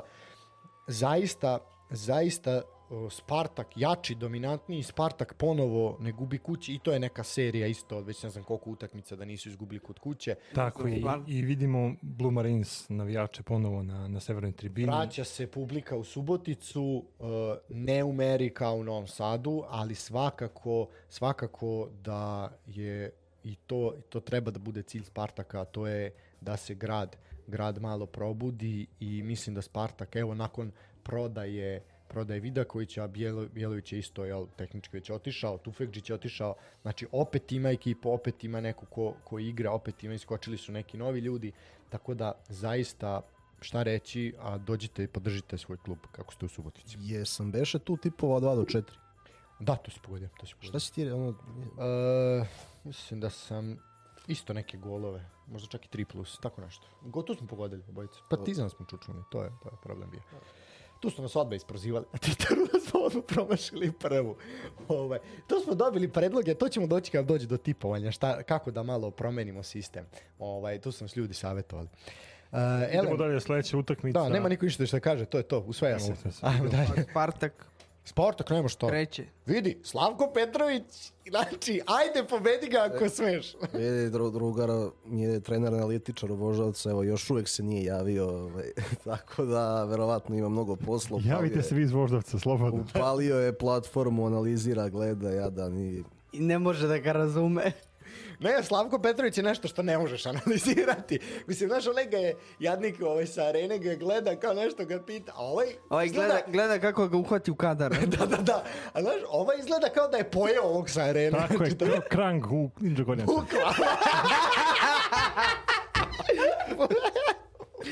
to je to. Znači, što se tiče Subotice, više akreditaciju nećemo dobiti. ovo je. Tako da, ajmo dalje. Idemo na napredak i Javor. E, ovo, je, sad, ovo je meni jako bitna utakmica za analizu. Ali Jeste. baš bitna. Ako se ljudi pitaju zašto je bila kiša u Srbiji, zašto su Kragujevac, Čačak i ostali gradovi tog dela Srbije plivali taj dan, to je zato što je nakon 11. aprila, a 980 minuta utakmi futbala uh, i utakmica napredak dao gol. I to ne jedan, nego Go dva. Dva. I to drugi iz penala. I to drugi iz penala. I to je e, pojačanje, dečko koji je došao pre pre nekoliko dana u klub ovaj odmah prvo skrivio gol da se ne lažemo, a onda onda i postigao.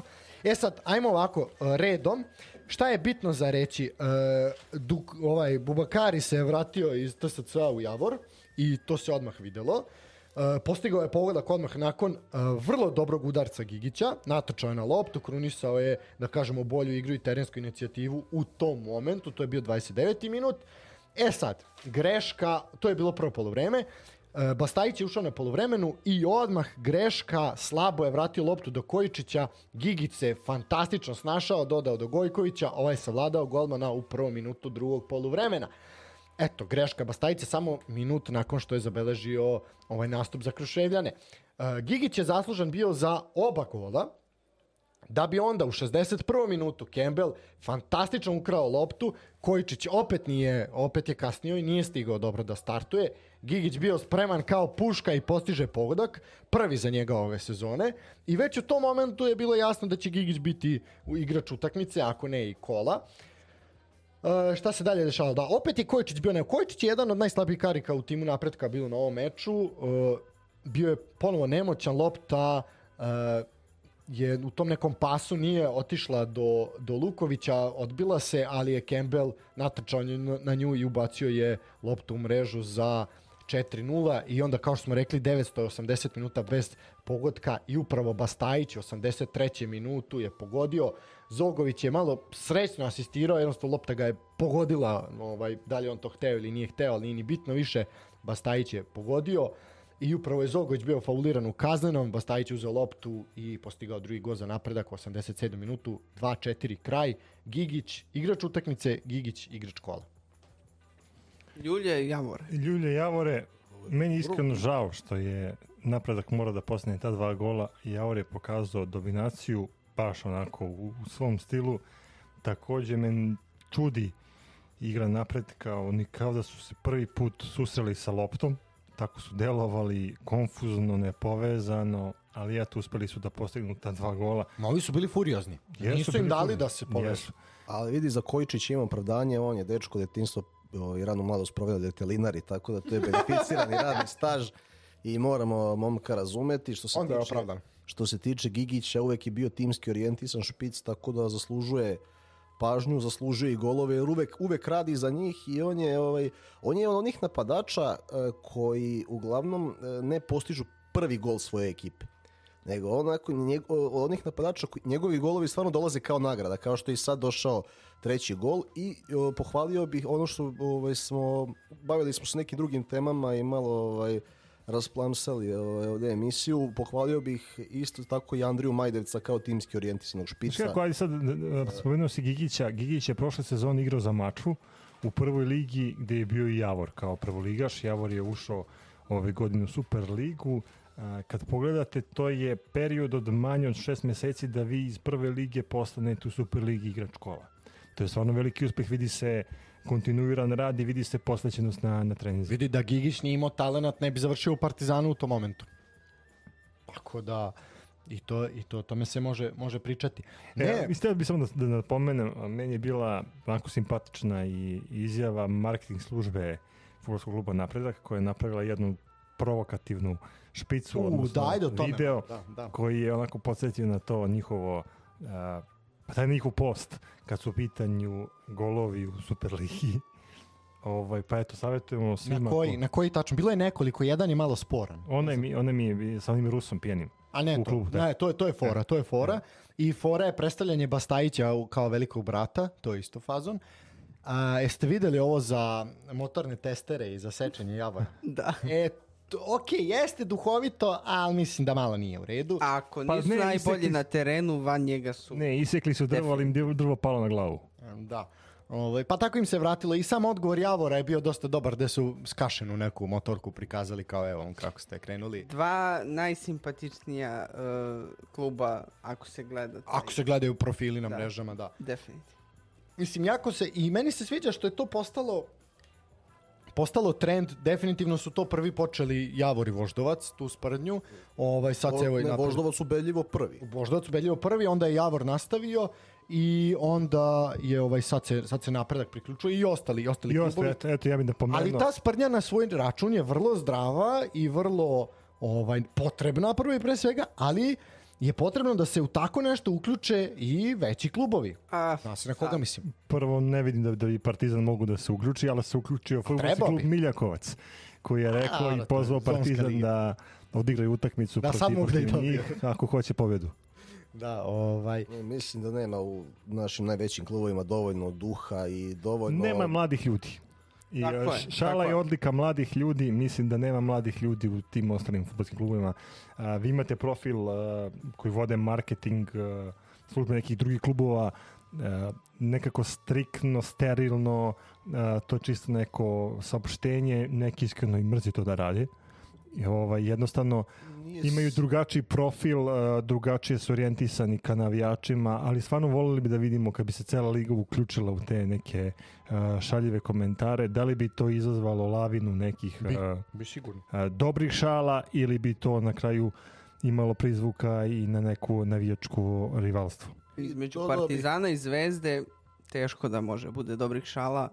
Ne Ne, znam. ne, ali m, komunikacije sa ostalim klubovima može da bude, ali mislim da tu postoji određen, pored ovoga što je Stefan rekao, sa čim se slažem, e, postoji određena doza nadmenosti. I to je istina. U tim marki kao šta ćemo sad mi da pišemo sad minom Javora. E, gospodo, to je pogrešno. Tako je. Zato onda treba dođe Javor da vas nalupa. Uh, upravo zbog toga. Tako da, ja se slažem i vidi, mislim, kako ćeš ti da privučeš navijače ako ne budeš imao odnos prema njima? Znači, ne može odnos prema navijačima da bude sterilno i ono što definitivno ovaj, Partizan, pa i Zvezda ima, ali i Zvezda ne u tolikoj meri, a to je Ma možda je bolje da bude što manje navijača, to je onda samo, samo je manji problem ako ne publike. Znamo i sećamo se u korona godini da su najradosniji bili zato što nisu imali publike. Znači oni kao da, kao da je upravo taj neki strah od te publike. Što ih je manje, to je, to je bolje. Po meni, meni se ovakav pristup sviđa i ovo je pristup koji je dobar. Kažem, mogli bi i ostali da krenu, krenu tim putem, ali kako se polako to sve zahuktava, sad polako i drugi klubovi počinju, tako da meni se apsolutno sviđa i neka, ovo je jedno zdravo, zdrava, jedna zdrava priča i treba nam to. Simpatično Treba nam. Tako je, ne dosta je bilo bombastičnih naslova i dosta je bilo ovaj, nekih gluposti i priča, teorija zavere, dajte da malo, malo podignemo tu neku lepšu priču u krajnjoj liniji, pa zato i mi pričamo svakog ponedeljka. Tako. Da. Iz Kruševca idemo u Niš. Ajmo, Niš. Uh, a šta, Radi se to. a šta reći nakon, evo Niš ponovo. Uh, Izgleda taj šamar od Gzire, traje. I dalje bridi, drma. bridi obraz, da. Uh, rivalstvo nije... ali ako ako primiš šamar na jedan obraz, okreni drugi, pa Da. će trsati se da te udari. Malo samo pre nego što se počne priča o samom meču, uh, rivalstvo radničkog i TSC traje već četvrtu sezonu. Uh, u svakom slučaju ovo što je uradio TSC je ulazak u ligu i sve onako za svako poštovanje. Ovaj, I po mnogo čemu je to pozitivno što se nalaze u elitnom rangu takmičenja, ali su zaista evo za ove četiri godine uspeli da ponude neke od uh, nezaboravnih utakmica i to baš upravo protiv Nišlija. Do sadašnji, znači pre ovog uh, okršaja juče je uh, što se tiče pobeda, četiri pobede Nišlija, jedno nerešeno i dva poraza. E, TSC je slavio po jednom kao domaćin i kao gost, a dobio je upravo prvi međusobni superligaški okršaj na svom terenu, sada već davne 2019. godine. Sledeći duel na Čajeru u posljednjem kolu korona sezone bio je na neku ruku istorijski, jer je to bio zvanični oproštaj od futbala Saše Stojanovića. Eto, to je bio neki mali uvod o čemu su svi pričali i prisjećali se tih mečeva da bi se malo zaboravila gzira. Ali, što kaže, obraz bridi, izgleda da će još dugo, dugo brideti nišlijama e, i to se odražava eto i na prvenstvo. To se zaista najbolje videlo o meču sa TSC-om gde su gosti onako rešili u svoju korist iskoristivši apsolutno sve slabosti, slabosti radničkog, a posebno tu ultra nervozu koja je okovala domaće igrače. I to je rezultovalo ne samo sa tri primljena gola, nego i sa dva crvena, crvena kartona.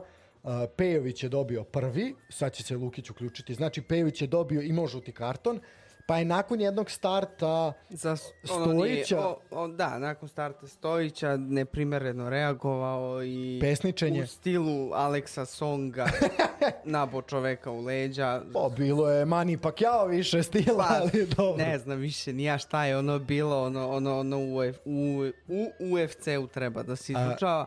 Uglavnom... Reakcija e, sudije. Da, po meni, po meni ono je bilo, mislim, mislim, nije samo po meni, ono je bilo za crveni karton. Ne znam zbog čega mu je sudija dao drugi žuti. Vidjet ćemo, na kraju krajeva disciplinska komisija E to, da se jel ide na disciplinsku? Pa 100%, 100%. Tako da, ovaj, vidjet ćemo, treba sačekati epilog. Dobro. E, drugi žuti karton je, tačnije drugi crveni karton je dobio e, Gaku posle To je zaista oči, grupu. očigledno grup start otvorenim Johnom na zglob. Mislim, nema tu puno ovaj rasprave. Da, pokušao je da zaustavi Jovanovića, Jovanović koji je zaista eto, e, bio jako dobar na ovom meču, bio asistent kod prvog i kod drugog gola gostiju, prvo Jugu Stanojevu u 46. zatim Stefanu Vukiću koji je to nedavno potpisao novi ugovor sa TSC-om i na kraju tačku na kraj meča već sa dva igrača manje, odnosno dva igrača više, Josip Čalušić, 83. minut, njegov prvi pogodak za TSC. Šta reći, TSC je iskoristio i ono što je rekao Žarko Lazetić, sad mu je tek ovaj, jasno i sad mu je tek krivo što i nisu pobedili Javor u Topoli.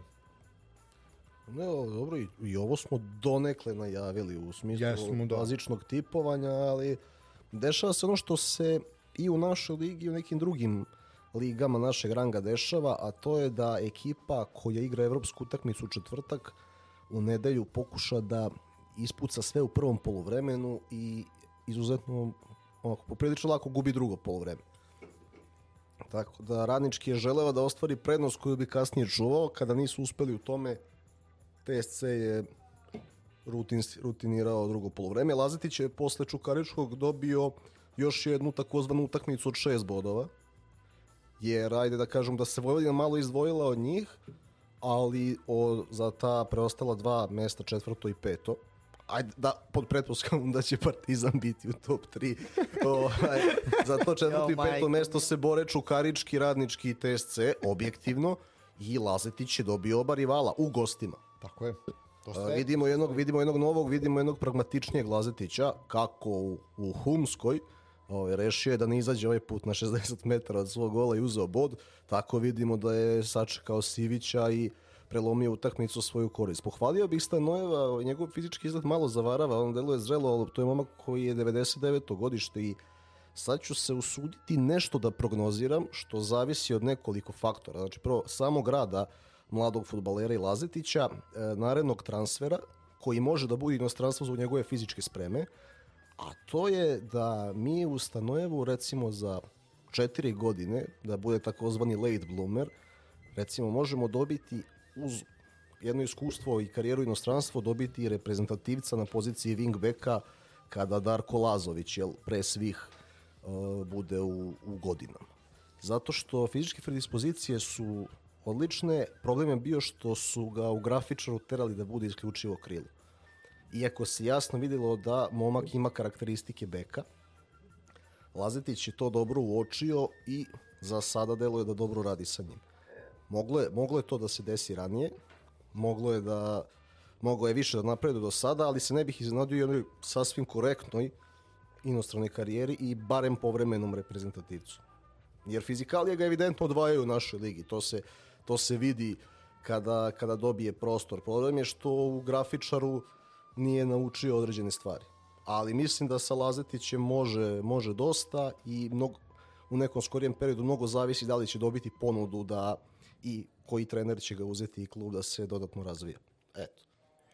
Dobro, sad on dobro radi taj posao u TSC-u. Tako je, apsolutno. Pogotovo od kad je otišao Banjac, on je sad postao lider ekipe. Da, Banjac je bukvalno sa aviona debitovao za Krasnodar. Znači, ja to nisam video dugo, ovaj, da je odmah čovjek dva dana po dolasku. Od kad je Vučić slao avion po Grofa Božović. Pa dobro, ali Božović nije trčao na terenu, to je, to je jedna Iz, razlika. iz Djelar je debitovao, ali ne baš idealno, malo je zaspao na 1-2, nje- njegovi igrač je postigao drugi gol.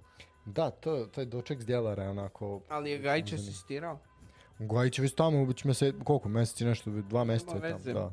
Ja malo hvalimo naš. Pa ja, dobro, sam, ja ne. sam Gajića napljuvao, sad moram malo ga hvalim. Pa dobro, i hvalio se. mnogi ljudi baš si ti da napljuvao. napljuvao, da. Ovaj, elem, ovako, sad jedna još stvar vezana za TSC. Uh, dosta je u našim, našoj javnosti, u medijima, ne toliko, ali po ovoj priči među ljudima i među navijačima vlada to neko neko ružno mišljenje o TSC-u i neki otklon, znaš, kao strani element, e, projekat mađarske vlade, nije to, to je mađarski klub i tako dalje i tako dalje.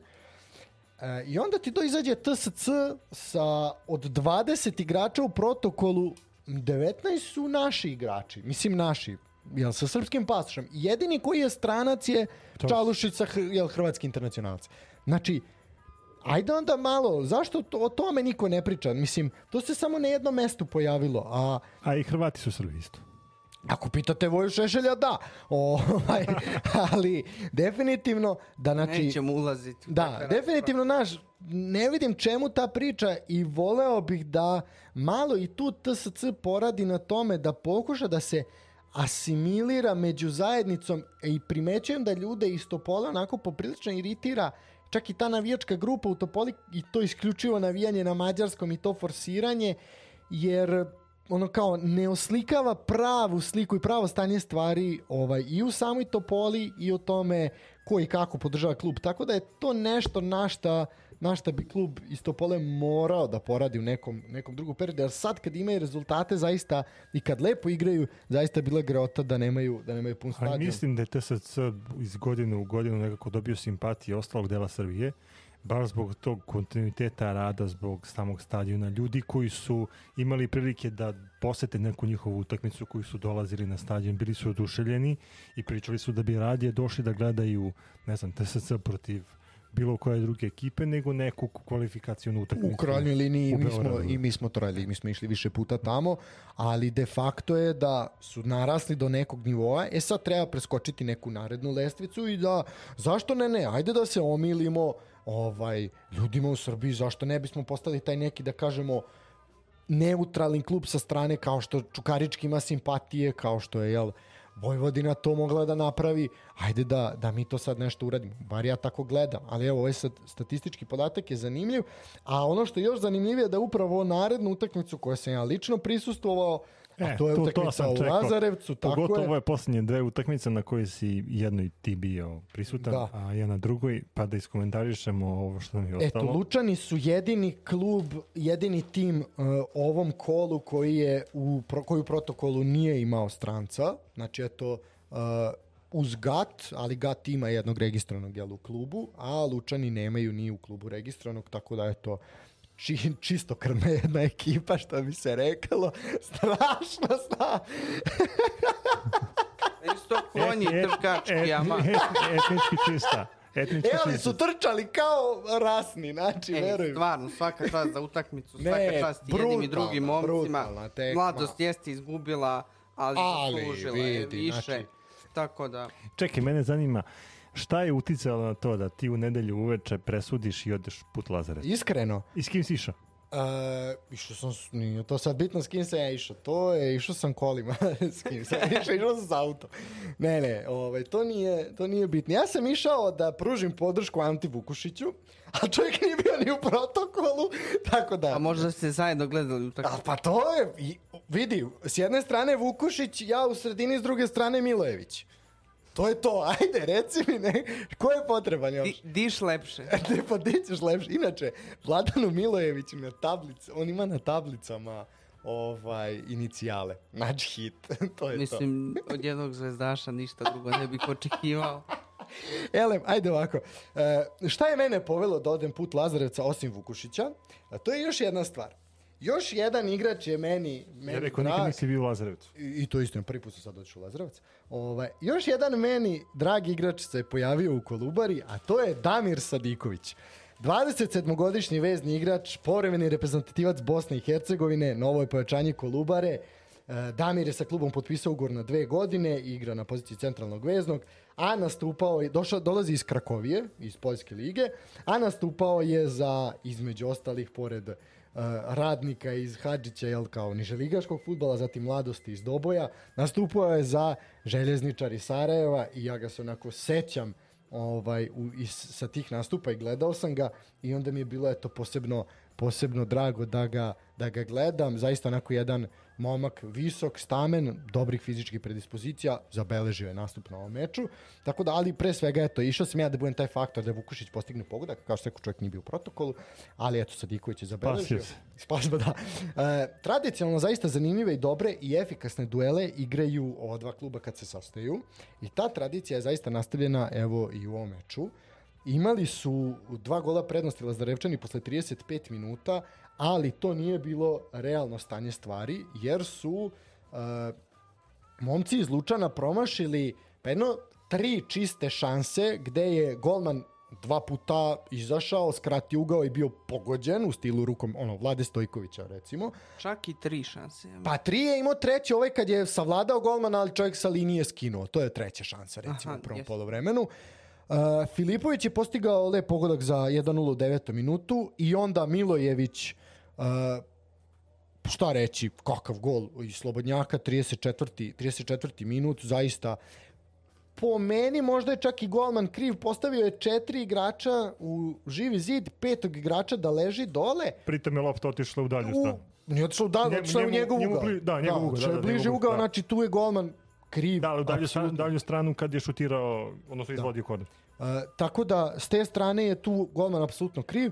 U 43. minutu je to Dunđerski, David Dunđerski pojačanje iz Proletera, a igrač Spartaka nekadašnji, je postigao pogodak za 2-1. To je to jedna peta šansa koju su uspeli zaista da realizuju momci iz Lučana.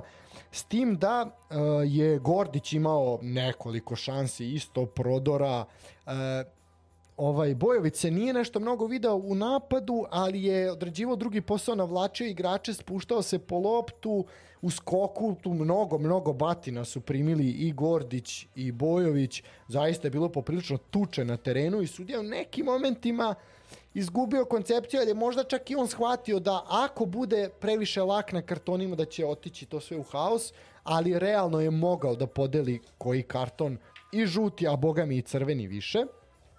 Jednostavno to se oseti i onda Ne, ka- kako utakmica na kraju, krene, tako. na kraju je to bilo bilo okej, ali se To je zakuvalo. čak i odlika dobrih sudija. Da. E, mladi Nikola Jojić, 75. minut, dečko koji je 2003. godišta, ako ja ne grešim, nakon jedne fantastično uigrane i odigrane akcije nakon slobodnog udarca i dva kratka pasa, znači jedan takav, takav lažnjak i takvo lažno kretanje fantastično, gde čovek pušta loptu, ovaj natrčava iz okreta levom nogom šalje u dalji ugao, vidi, bomba, go, jedna od top 5 golova ovog kola svakako, ne može biti prvi zbog ovog svega što su ovi pogađali, ali je zaista u- za top 5, pri tom momak 2003. godište. Uh, jako su dobro trčali jedni i drugi i tu je bilo borbe jer je uh, zaista u tim momentima čak Kolubara ostala i sa igračem manje i onda se zakuvalo poprilično, bilo je tuče, bilo je trčanja, kvalitetom same igre, znači ne možeš ti očekivati tika tako u Kolubari, ali je bilo dinamično, jedni i drugi jesu preskakali sredinu terena, ali je zaista moje laičko futbalsko oko bilo zadovoljeno. Uh, 83. minut. Uh, lopta bliže u rangu, ko nije vidio gol, obavezno pogledajte. U rangu, negde u ravni peterca, bliže korneru sa uh, odbrambene strane, ako gledamo sa leve strane, jel, odbrane Lučana. Milojević namešta loptu. Igrači se pozicioniraju negde na 10 metara od gola i sve delalo kao da će ići jedan centar šut, međutim, u tim momentima je čak mladost imala inicijativu i očekivao sam ja i 2-3, da budem iskren.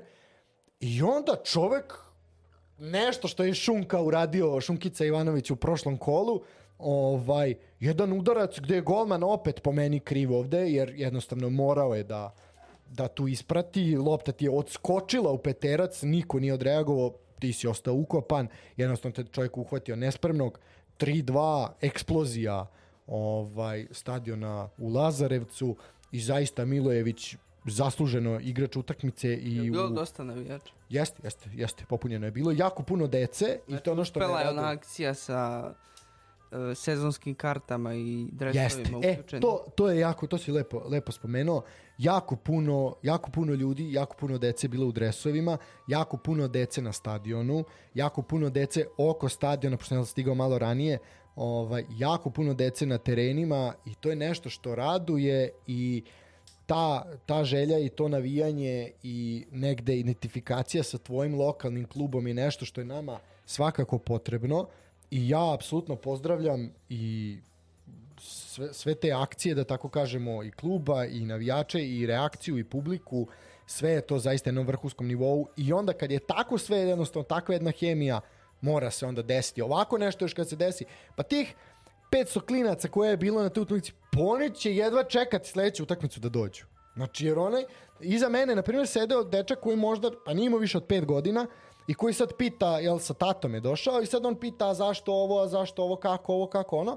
I kad je ovaj zvekno golčinu i prvu i drugu, i ti vidiš da je mali, mali kipti od sreće i ti znaš da se taj dečko zaljubio u tu igru i da će on sigurno doći, ne sledeći vikend, nego da će do kraja života to pratiti I krenuti ja trenir. de facto Za krenuti, godinu, dve. naravno, ali prvo i pre svega zaljubiti se u sport. I to je ono što je poenta i ključ svega, jer danas, sutra, ok, mi sad pričamo o ome, ali za neki određeni broj godina će trebati neko drugi da dođe i da nastavi sve ovo i što mi radimo, a i naravno da, da trči i da šparta tim terenima. Nadam se da će biti malo bolje kvaliteta terena, ali dobro. I on je bio pristojan. Eto, to je moje meni je ulazak Kolubare u najviši rang skroz ok. Ovo, doneli su oni dosta toga zanimljivog i prošle sezone u odnosu na igrački kadara i mislim kad ti je predsjednik takav domaćin da ode kolima po, po, pojačanja ovaj, Po regionu, da. u regionu. ovaj, Hvale ljudi domaćini u našem futbolu, to jest na čelu naših Tak. klubova. Apsu, apsolutno. E, ali e, jedan samo šta mi je sve si rekao i to za klince, mislim da je sjajno ispalo u Lazarevcu. Samo ovo što si rekao, ne može tika taka u klubari e, preskakala sredina. E, samo preskakanje sredine terena nije problem, posebno kad ti nemaš kadar da igraš nešto drugo. U okviru toga, šta je bitno? Bitno opet naći smisao kada preskačeš sredinu, kako da gađaš dugu loptu tamo gde je više tvojih igrača, da se osvoji druga lopta ili čija i da odatle ideš u tri ili četiri dodavanja ka protivičnom golu.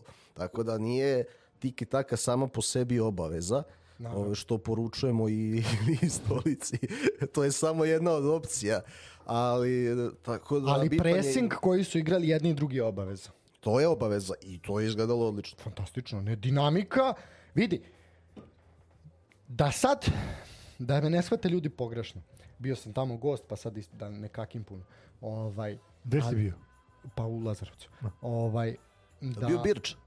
Uh, nisam ga primetio. Ovaj, da je teren kojim slučajem kvalitetniji, mislim na podlogu. Uh, bio je pristojan, ali da je kvalitetniji, da je hibrid, mnogo bi to još lepše i bolje izgledalo.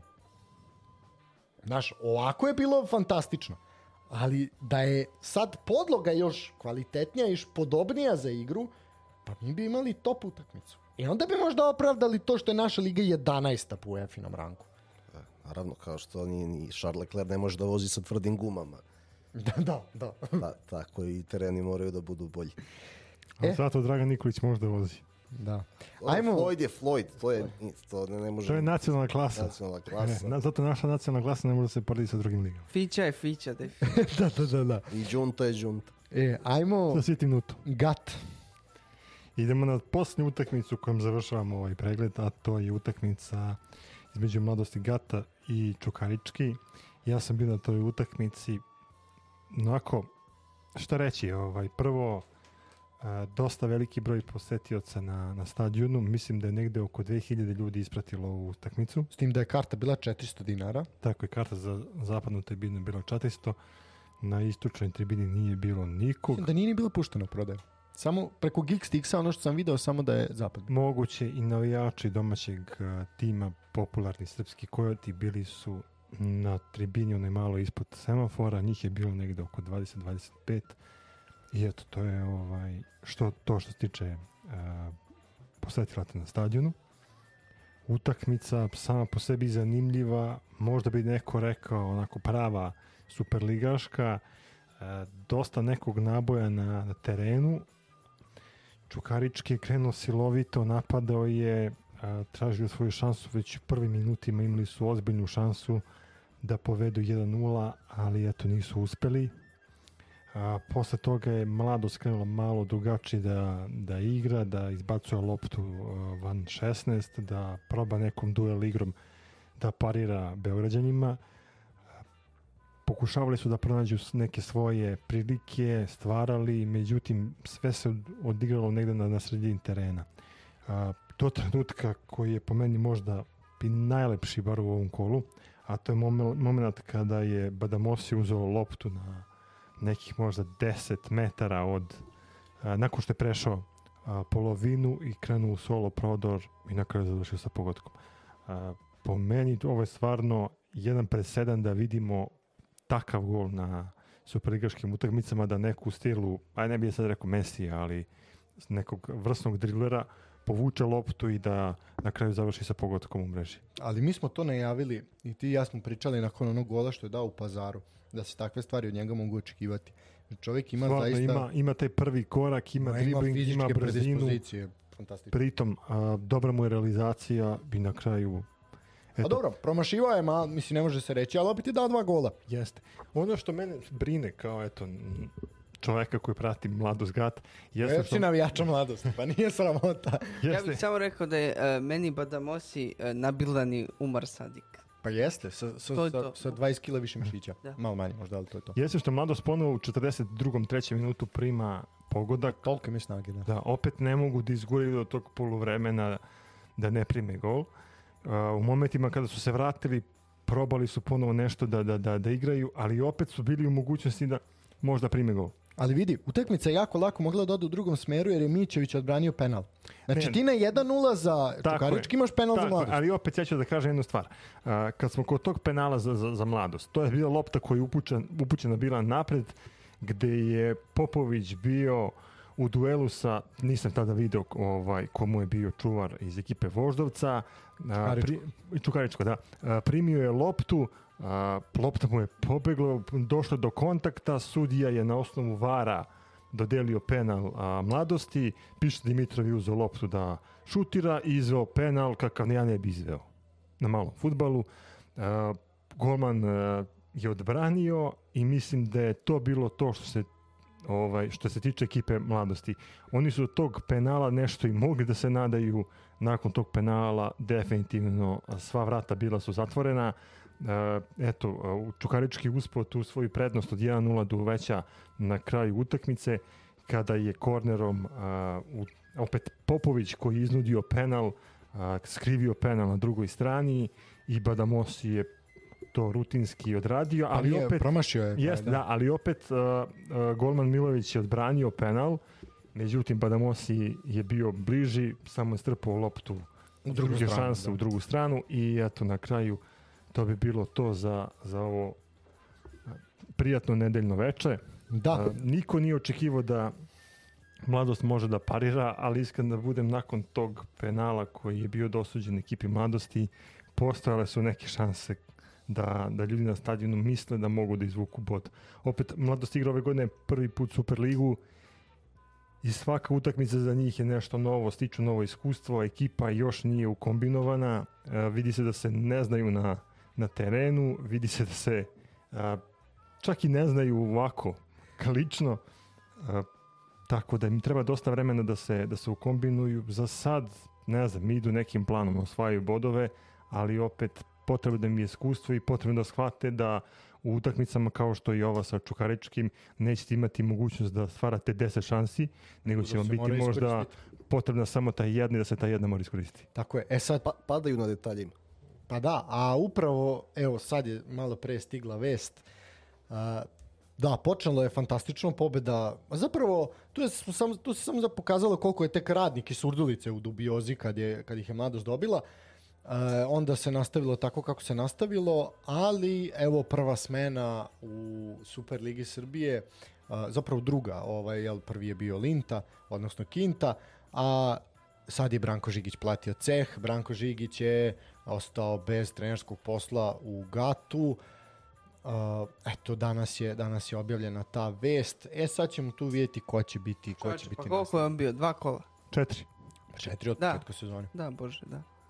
Majko, mila moja. Eto, to ti je srpski futbol. Pa dobro, očigledno postoji nešto unutar kluba što što mi ne vidimo i ne znamo, ali eto. Pa ne znam, ja mislim možda da, da mladost, eh, da je za mladost možda bolje bilo da nije toliko, ovaj, da je zadržala malo više taj kostur ekipe. A, Evo ja A da li je reći, mogla da mislim, ga zadrži? Mislim da ne. Mislim da ne, jer ti u tom a, sastavu ekipe si imao a, igrače koji su, pa da sad kažem, dva igrača su na klupi mladosti, imaš igrača tog Brazilca koji je bio nosilac a, poslednje linije Souzu, koji je povređen, a, njemu je bio a, Pandam čovek koji trenutno odrađuje posao defanzive ono, u nadoknadi vremena, Znači ti si menjao celu štopersku liniju, menjao si ovaj, e, takođe i napad, e, otišao ti je Milan Vidakov, u- odnosno vratio se u Vojvodinu. Ne vidim da je, da je mladost mogla bolje od ovog. Pa ne možeš ti kad koncipiraš ekipu na pozemljenim igračima i ono negde se ponašaš kao imaš taj mentalitet filijale, ne možeš ti puno, razumeš. To je jako teško, teško izvesti. Mislim Obično da Ti igrači koji se dovode u, u tom filijalskom načinu poslovanja, to su igrači koji sede na klupi dugo ili nisu igrali. I Okej, tvoj posao jeste treba, da ih treba im osposobiš, da. vremena da oni ovaj da nađu Naravno. tu neku svoju ulogu, neko svoje mesto, pogotovo što si ti ovaj napomenuo da si na Zlatiboru video da oni međusobno i dalje ne znaju se, ne znaju se to- to- međusobno to, je, da to je problem mladosti ko, ko izgleda pa, plati Ali- taj klub dugo godina, znaš. Da ti imaš a, ekipu koja a, ne diše kao ekipa. Ali Oni, onda se, je- oni, se, oni se znaju, ali najbolji Slažem se, primer da. je taj gde ja pričam o tome kako golman koji bi trebao da komanduje odbranom i da štoper koji komanduje odbranom, da u momentima da, da njih dvojica, znači štoper i, i levi bek kreću zajedno na, na istu loptu i sudare se. Mislim, to je u nekim klubovima, znači da, da, da, da kažeš, ej, moja, ti ovako, onako reaguj. Još je potrebna faza uigravanja mladosti, ali opet kažem, oni su prvi put u Superligi i njima je svaka utakmica iskustvo. Svakako. Pritom mislim da će mnogim klubovima da zagorčaju život, jer su ekipa koja, Ja se nadam da koja hoće. ume da iznenadi. Ja se nadam da hoće, ne bih želeo da se pretvore u topovsko meso i u kantu za napucavanje. Elem, nakon baš te naše priče, ovaj, kao da nas je neko čuo, ovaj, kad smo pričali da sede razjedinjeni, da ovako, da onako, da nemate neke hemije, a, doveden je, na primjer, Nikola Stanković. To je jedan jako zanimljiv momak koji u svakom klubu gde je bio i upravo uticao jako na mnogo, na, na hemiju, na povezivanje igrača. Naš upravo je po tome poznat, možda je zato i angažovan, ovaj, ne bi me čudilo da, da nije.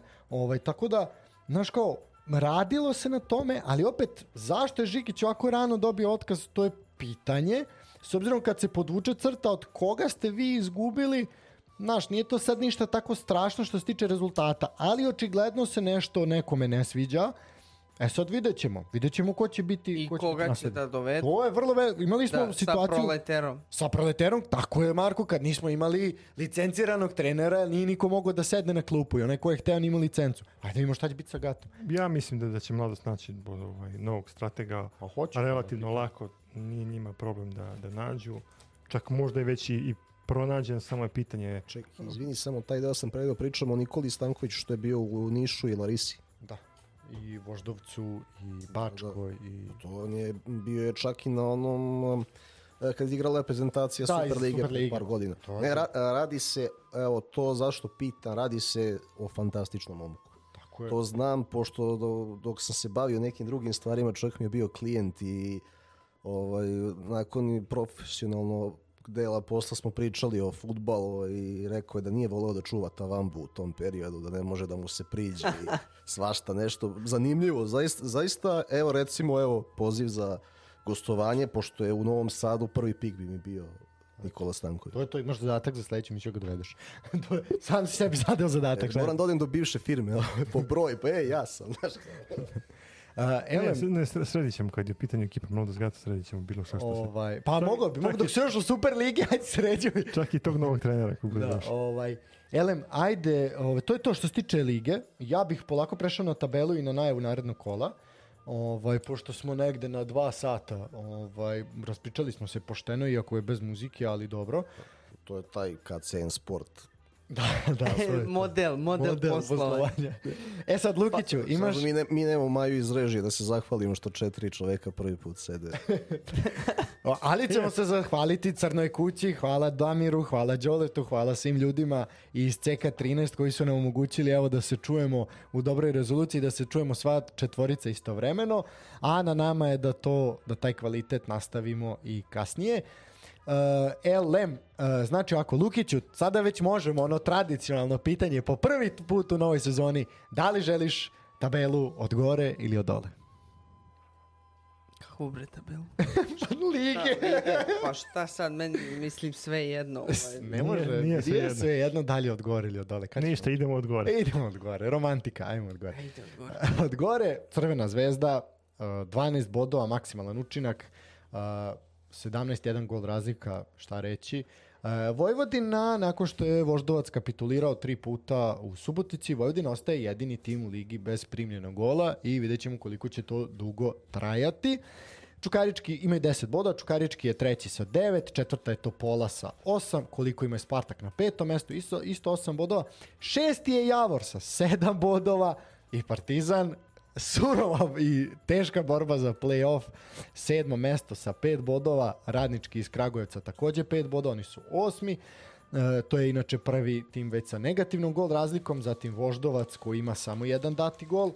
Ovaj, oni su deveti sa pet, Kolubara ima četiri, Gat imaju tako, ima takođe četiri, Novi Pazar tri, Mladost jedan, Napredak jedan, a, Radnički iz Niša jedan i Radnik iz Surdulice jedan. Znači, više nemamo timova bez bodova. Imamo eto tima da nisu, da nisu ovaj primili gol, to je Vojvodina, čestitke Vojvodini na tome. E sad, imamo znači Evropu, ajde da prvo pričamo malo o Evropi. Znači ovako, čekaj samo da nas podelim, znači u, imamo krnje kolo, jel, bez Zvezde i Partizana, samim tim manje mečeva za tipovanje. Aha, Dobro. E, Možda i pogodimo, ne kiksnemo na partizan. Da, da, da, da, da. Uh, LM, znači, ajmo ovako, prvo Evropa, znači imamo Zvezdu, imamo Partizan u, na Kipru i imamo Čukarički u Beogradu. Šta, Lukiću, ti kažeš Za zvezdu u Evropi, Da, to je, to je gdje on igra, kod kuće. kod kuće, da. Sreda. Kec. Kec, ne bi se A si zaleo. hazarder. Šta Dobro, je to kvota 1.25, tako je? pa, pa pitanje će biti tolika. Stefan, Isto, samo što bi ja dodao nekih 3 plus, kec 3 plus. može? Nikola? Po, e, pobeda Zvezde bez primljenog gola. Znači, su, super, dobro. Uh, pa ja ću staviti domaćin 3+. Plus. Uh, ajde budemo različiti. E, Partizan i Kipar. Aj, joj, maj. jo majko moja, to da može da se odigra, joj majko moja. Gori krava, gori slama, štala, sve red. Joj. Pravo ti kažem, ne, ne znam, meni Partizan ove sezone, znači... Ajde. Ajde, daj dvojku, svaki O, da jo, padnem, ajde. da, svakako da, to nek ide. Stefane. Pa eto, ja bih volio da Partizan ovu utakmicu nekako dobro odigra, a da pritom a, ostvari aktivan rezultat kojim će samo potvrditi svoj ulazak u dalju fazu, pa nek bude x2. A ja ću prepisati x2. Nikola. 1-1. Tačan rezultat. Tačan rezultat. 1-1. Čukarički od 20 časova na stadionu Partizana protiv Twente. 3 plus. Dobro. Stefane? Od 0 do 2. Of, dobro, zanimljivo. E, oba tima daju gol. 2 do 4. Dobro. To je Evropa. E sad ovako. Što se tiče Super lige i petog kola, ono počinje u petak od 19 časova na krovu tržnog centra, gde će Voždovac dočekati radnički iz Kragujevca. To A, je... Voždovac 200 i nešto minuta bez datog gola. Neki igraju u žutim Od nul- dresovima. Od 0 do 2. Izgubili su žutim drevom. da, neće sigurno igrati sad u žutim, igrat će u belim najvjerojatnije. Kec. Kec, Nikola, tipa Keca. Stefane? A, X2. e, Sad domaćin sam njega piti prvog, da mo, može tero kontru samo sam sebi. Da, da. Ovaj, uh, ja kažem da će domaćin dati makar jedan gol. Uh, znači, nema Vojvodine i Zvezde, a u subotu od 18.55 na TSC areni imamo TSC protiv Novog pazara. Hmm. Pa... Gde se to igra? Uh, TS Topola? Kec... Kec i domaćin daje više od dva gola. O, lepo, lepo. Volim što prepisuješ ove moje fazone. Pa nek Daću bude, u nek bude kec. Na TC. Gost daje gol. O, zanimljivo. Ja ću reći oba tima daju gol. E, dobro. 21 čas, isti dan, znači subota, 21 čas, u Lučanima mladost dočekuje radnički iz Niša. Aj, joj, majko, mila, to ne može niko da pogodi. Uh, gol, gol. Dobro, mm, ok, e, slažem se da može biti. Više golova drugo polovreme. U, dobro, mi se sviđa drugo vreme više. Prvo polovreme X. O, još smo se raspucali. Ja, kažem će mladost dati makar jedan gol. E, dobro, e, nedelja u 18.55 na Surduličku bombonjeru stiže Kolubara. Pa evo prilike za radnik da napravi nešto na svom terenu. Šta kažeš? Kažem 1x. Kecix, dobro? Lukić? Ja mislim da će to sa solo da reši lagano, tako da Dvojka. dvojka. Dobro, Nikola. Mm, Keci gol, gol. Keci, gol, gol na Surdulicu. Opa, zanimljivo. A, Vukušić plus. Verujem u njega. Ja, maj! Jel dao čovjek gol i jedan? Sa- Zato igra, To je- igra. Nije, sad će pići ponovno u sudulicu da ga gleda. u Surdulicu da čovjeku da to, to je ljubav. To je to. E, to, to upravo si. To je To je ljubav. E, dobro, od 21 čas u nedelju imamo utakmicu Čukarički Spartak. E, ovo će biti... E, ovo će bude zanimljivo. Ovo je možda čak će derbi da kola. bude- derbi kola, derbi Kad se igra kola, u da. subotu? A, ne, nedelja 21 čas. Nedelja. E, Čukarički Spartak. Jo, majko, Milan. Gol, gol i 4 plus. Jel može ta kombinacija? Može. Ajde, kad smo krenuli sa kombinacijama. Dobro, Stefane? 2 do 3. 2 do 3, dobro, Nikola? Polovreme X. Pol vreme X. Hm. E, e, čuka hm, hm, nakon Twentea. Pa ja verujem da će tu oba tima dati makar po golu. A, dobro, to je što se tiče nedelje, znači Partizan je trebao da igra u nedelju od 21 čas, Zvezda je trebala da igra u subotu, ali jedno i drugi meč su odloženi, to smo već rekli, verovatno će se negde u oktobru odigravati uh, te odložene utakmice, a što se tiče ponedeljka, Javor i Mladost će zatvoriti kolo u ponedeljak od 19 časova, znači u momentima kada mi budemo snimali ćemo pratiti utakmicu ovaj, iz Ivanjice. Šta momci kažete za tu? Pazi, šta pričate? Kecix. Pa ovako, gledajući Javor, Javor je do sad stvarno pokazao da je ekipa čvrsta, da ne umeju da igraju. Ja bi iskreno volio da mladost ostane neporažena jer joj sledi baš pakleni raspored, pa mislim da će ovde možda tražiti neke svoje bodove, pa nek bude x2. Kec kao vrata. uf, uf, ja. Uh, Keci domaćin daje dva. Dragi moji, ozbiljna priča. Ozbiljna priča, ozbiljno se zakuvalo. Zakuvali smo kao da znamo. kao da, znamo, se kladimo. Tako smo, prilike. E, a koje smo komentare dobili vezan za klađenje i humanitarni tiket? Da, e, da. Pošto su nas isprozivali da smo odmah popucali na prvom, duša i samo Nikola i ja smo tipovali, pošto smo mi bili tu prisutni prošlu. A, dobili smo komentare da ne tipujemo cijelo kolo. A ne može to. Ali da, to je meni malo isto truba, jer Ne ono može. kao naš fore jeste, ali onda smo dobili kao da svako tipuje, da ne tipujemo svi celo, svako po cijelo kolo, nego da sad, znači ako je naš četvorica, pošto ako imaš osam utakmica, onda po dve, znaš, kao da podelimo. Ali opet i to je onako, ali možda bi to mogli da probamo, recimo sljedeći put, znači da onda ko bude da se podeli jednak broj da vidimo. Ali E, paz, pazi ovo, ne, znaš kako, ovaj, previše puta sam gledao tesnu kožu Dimitrija Pantića da ne tipujem celu kol. tako je Ali, to. Da. ali možemo da koliko god da nas bude u studiju odaberemo recimo svaki put fiks kola. Znači onako neka sad, pošto slušalci to vole interni igre između nas, sad da vidimo neko ovaj, od, od, ovih odabere, svako ima neki svoj, u što je ono, najsigurniji da, da vidimo kako to izgleda. Neka, Ne znam, meni se gubi e, draž takmičenja. Znaš, kao, kvarite mi e, igru. Sportsku Da, prognozu. da vi hoćete to, taj model. Da, ovo je model- moment sportske prognoze Ne, vi, više vi nego hoćete da. da. da slušate taj model i način klađenja i onda sam ja onako više za to da se istipuje celo kolo. Ja pa, isto ne, više ne, ovo volim. ne, ne, isti, celo kolo i onda od, od tih, koliko, od, od osam biramo jednu i kao ono... Dobro, fik- šta je sad po vama tip, fiks? tip kola.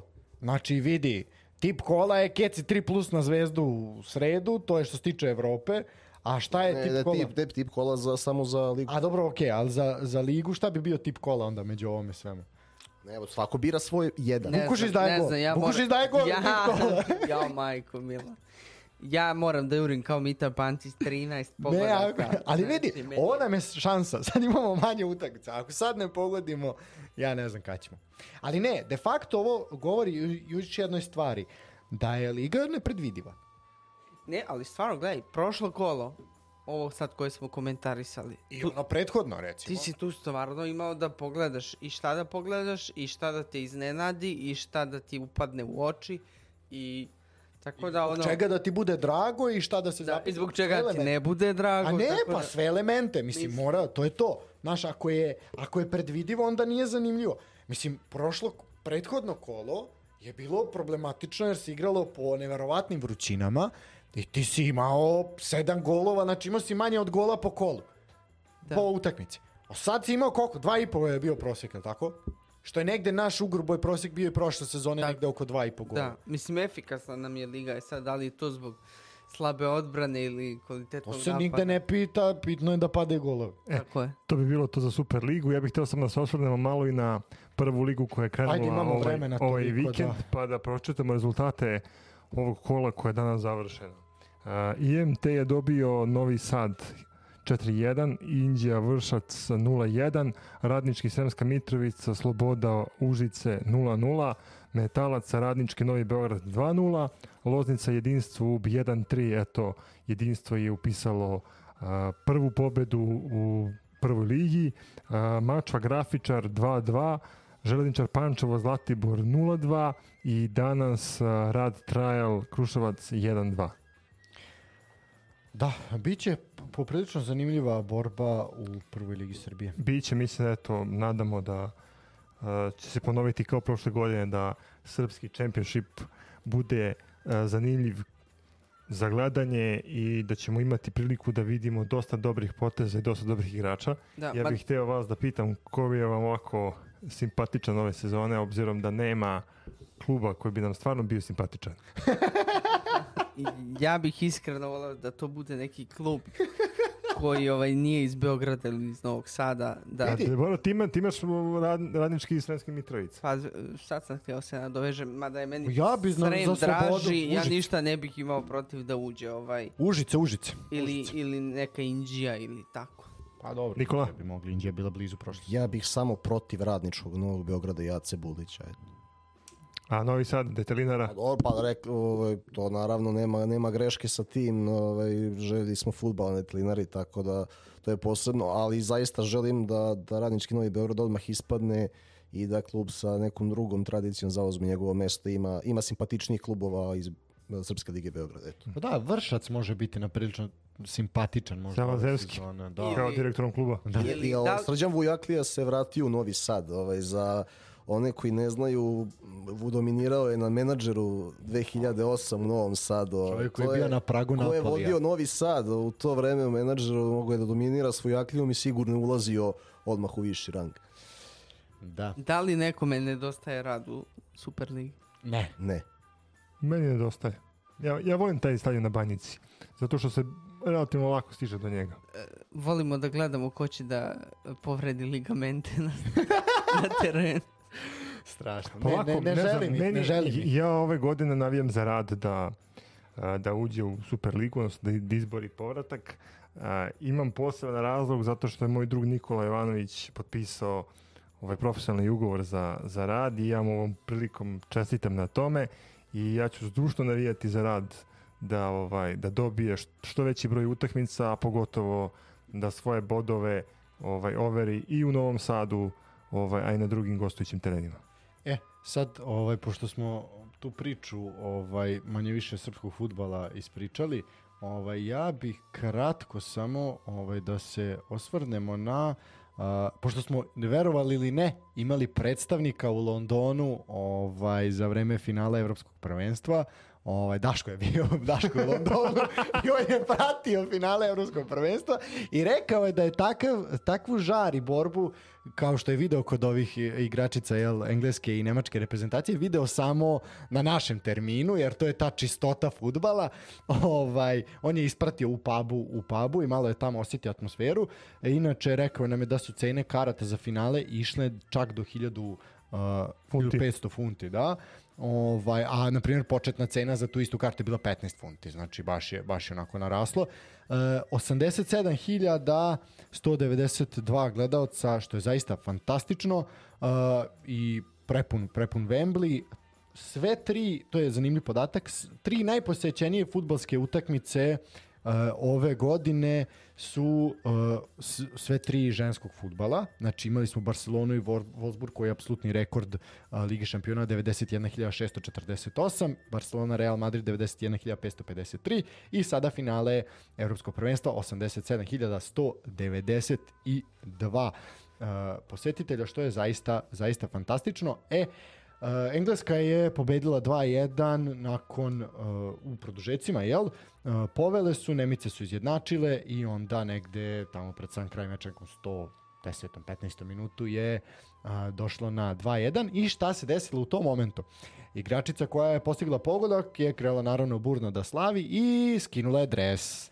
E sad, ne samo što je to izazvalo buru javnosti, medija i svega, čak i kraljevska porodica, znači medijska služba kraljevske porodice je šerovala tu sliku, opa, pardon, šerovala tu sliku nje u ovaj sportskom, sportskom grudnjaku, a, ali to nije, znaš, ljudi su misli kao, jo, To čekamo da kažeš. Je li da? Ne, nije Ima- provokativno. Imala, imala. Ne, Da. ne, nije provokativno. Znači, ne radi se o tome. Uh, iako su ljudi naš skočili, jao, skandal, jao, jao, ovo, ono, ali postoji čitava jedna priča iza svega toga. A Dobro, mislim, žuti karton i to je to. Šta A dobro da, posle su je jedva navukle dres, znači ono bukvalno je sa igračica na silu navukla dres. Pa dobro, ona ide tela gola da igra, ne znam da bi mi imali ništa protiv tako. Ne, apsolutno. Zezam se, svaka naravno, čast. Šalimo se, sve, sve to svak, zaista je za svaku, svaku pohvalu jako dobro i dobro i kvalitetna utakmica je bila. Uh, ovako, što se tiče skidanja dresa na utakmici, to je priča koja je krenula pre nekih 20 godina kada je Brandy Chastain, američka futbalska legenda,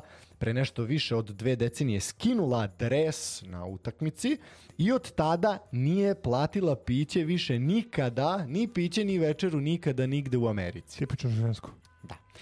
I od, Kad ne tada.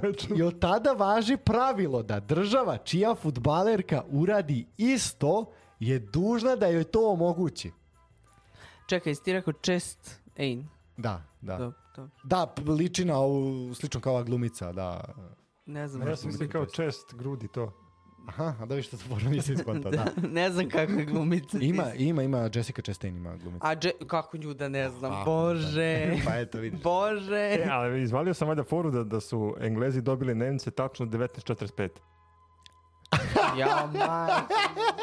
A dobro, dobro, dobro, ovo je isto, ovo se isto ceni. E, tako da eto, ovaj, Ja bih, ja bih pohvalio o, devojke stvarno, e, pošto sam poslednji put gledao utakmicu ženskog futbala pre nekoliko godina i neverovatan motorički, tehnički, taktički napredak. Uopšte mi nije bilo dosadno. Drugo, e, treći, e, pobednički gol nisam video. a, pobjednički gol nakon kornera sa Bukvalno leve, u petercu sa leve strane u petercu, malo se golman Nemačke spetljao, malo je tu no, ispala je lopta, ovaj je šutirala, pa je bio neki blok i bukvalno je onako traljav, nije, mislim niš, ništa spektakularno, traljav gol, onako sa dva metra na to nešto malo Tucnula. ćušnula, ćušnula u mrežu, mislim zaista onako, na, kako kažem, nekako To, to izvučeno. nisam video, ali e, vodeći gol i gol za iznačenje najbolji napadači svetski Benzema i Lewandowski se ne bi pozivio, postideli onih završnica. Stvarno, Ne, stvarno o- dobra utakmica. Ovaj, ovaj gol, i- znači u stilu Pipa Inzagija, to je to. Što se Ne, tiče ne, ovo- pobjede, da. ali za, ne, vodeći i izjednačujući Da. u regularnom delu. I ono što sam primetio to je da one, mislim, zeli zbog e, gru, mišića svoje građane, ne, žene ne mogu da budu dribleri kao što su Neymar i Messi, to je jasno, taj, taj nivo se neće dostići, veoma je teško, ali sam primetio drugu stvar, a to je da e, više proštuju timske mehanizme i protok lopte nego u muškom fudbalu. Nema improvizacije. Jer ti, ti ne znaš da li će Riyad Mahrez da ispoštuje sa Tako igrača. je, zamisli Apsolutno žena, nisam video uzme da sebično. improvizuje. Pa to je haos. Još da- Ali opet, moram da se nadovežem na, na tvoju konstataciju. Žena, kad krene da te dribla, e, onda si najebo. Tako je. Samo još fali da se počupaju tu na terenu. Neka, neka njih nek se drže taktički zamisli. Uh, vidi ovako, prvo, što se tiče posjećenosti, uh, zaista prvo svaka čast, Ovo, ok, igralo se na Wembleyu, sve to stoji, sve to zicar, ali zaista iz ove utakmice Lige šampiona i ovo sve to je zaista onako jedan uh, vetar u leđa koji se može iskoristiti, pritom mislim na organizaciju koja mm, i UEFA-u i sve one koji se ljude koji se bave razvojem ženskog futbala, koja može, mora i treba da se iskoristi kao vetar u leđa da se kod devojčica popularizuje uh, igra i bavljenje, bavljenje futbalom. Uh, o, makar da ne pričamo o ovim školskim danima i sve, a posle i na nekom profesionalnom nivou. Meni je jako krivo što naša liga kvalitetom je poprilično slaba kad pričamo o ženama. Ok, imamo Spartak koji je odudara od svake osim konkurencije, mislim to zaista ne... Pazi, ha, Hamar bi e, u Švedskoj više e, veća posjet, posjećenost kod žena nego kod muškaraca u nekim momentu. Vidi, uh, ja ću, ako ja sam imao prilike da u svojoj kratkoj i ne toliko uspešnoj rukometnoj karijeri više puta igram protiv ženskih ekipa i imao sam jedan put priliku da budem aj neka vrsta trenera ženskoj ekipi na školskom jednom takmičenju i imao sam priliku i da treniram sa ženskim klubom dok u Mitrovici nije bio muški klub i mogu vam reći sledeće. Žene mnogo srčanije i mnogo uh, požrtvovanije, s mnogo više ljubavi i želje pristupaju tom sportu nego, nego mi muški. Jer nigde nećeš, ovo što je Nikola rekao, svih 11 je ispoštovalo sve maksimalno, a ti nemaš često situaciju da ti svih 11 muških na terenu baš sve ispoštova. Pa isfiltrira se grupa ljudi koji su svi tu zbog toga što, što zdu, zdušno vole taj sport. Pa da, onda jer jednostavno- na, isfiltrira se upravo to zato što ostanu do tog do tog Tako ovaj stadijuma u životu je, da. da. treniraju. Tako je. Imam je jedno, jedno pitanje. Eto, imamo tu situaciju da u muškom sportu, odnosno konkretno u muškom futbalu, svi komentarišu da, da su igrači više posvećeni a, splavovima i starletama nego samo futbalu. Zanima me na koji način su a, engleskinje nagrađene, odnosno da li je bilo stripera nakon ceremonije uručenja pehara? Pa dobro, to je sad ovaj, totalno i A ne nebitno. mora da znači su- da su našli, naši nakon osvajanja onih juniorskih prvenstava išli na ove... Sećamo se ponude. Sećamo se se šavije, šavije se Ili su kod da. tome, kod Vidi. tome Nikolić i on je starleta politička. Da. Vidi, a, i priča šta se govori o sportistima. Ako krenemo o tome šta se govori o sportistkinjama, onda, onda su možda bile striperke, a ne striperi. Da, da, da, dobro, i ovo je dobro. E, O, ali ja, ja bih pohvalio ovaj, selektora engleske reprezentacije Sarinu Wingman zato što je ona osvojila drugo vezano na evropsko prvenstvo sa različitim ekipama. Prvo sa svojom Holandijom, a sada sa engleskom postaje ikona sporta i kapa dole. Ne, nema šta da se kaže, zaista ovaj, prava je šteta, na primjer, i RTS je, ja sad da moram malo popljujem RTS, koji je otkupio prava prenosa za ovo prvenstvo. Čekaj, priznaj da radiš to zato što su slonili kovinjala. pa ne, E, a ume, pa čekaj, to je to. čekaj, to ja sad to. moram da kažem, pošto eto vas dvojica se tu ovaj, u, u studiju, a, Ako misliš ono što nemoj. mislim da to, Nemoj, nemoj, nemoj. Da, da u momentima kada kada je Stanislav znao da da opljuje po nekoj televizijskoj stanici, plašim, plašim se da ne bude, Nemoj, znaš, nemoj, nemoj, ono, nemoj, nemoj ništa da pređe na tu stranu, Ništa, nemoj pričati crnu, o tome. na crnu Ovaj, stranu. Neka ostanu tajni. e, evo što se tiče RTS, ajmo da se vratimo. Da, na to na RTS sam i mislio. Ne RTS, Na da. RTS. E, vidi, ako se... RTS-om Ako... nikad nije dosadno, razumeš? Da. I oni kad ne prenesu nije ti dosadno. Ma ne, apsolutno, kad mi pustite Drakčeta 18.000 ti put, znači ono... Dakle, institucija. Pa da. Institucija kod Srba.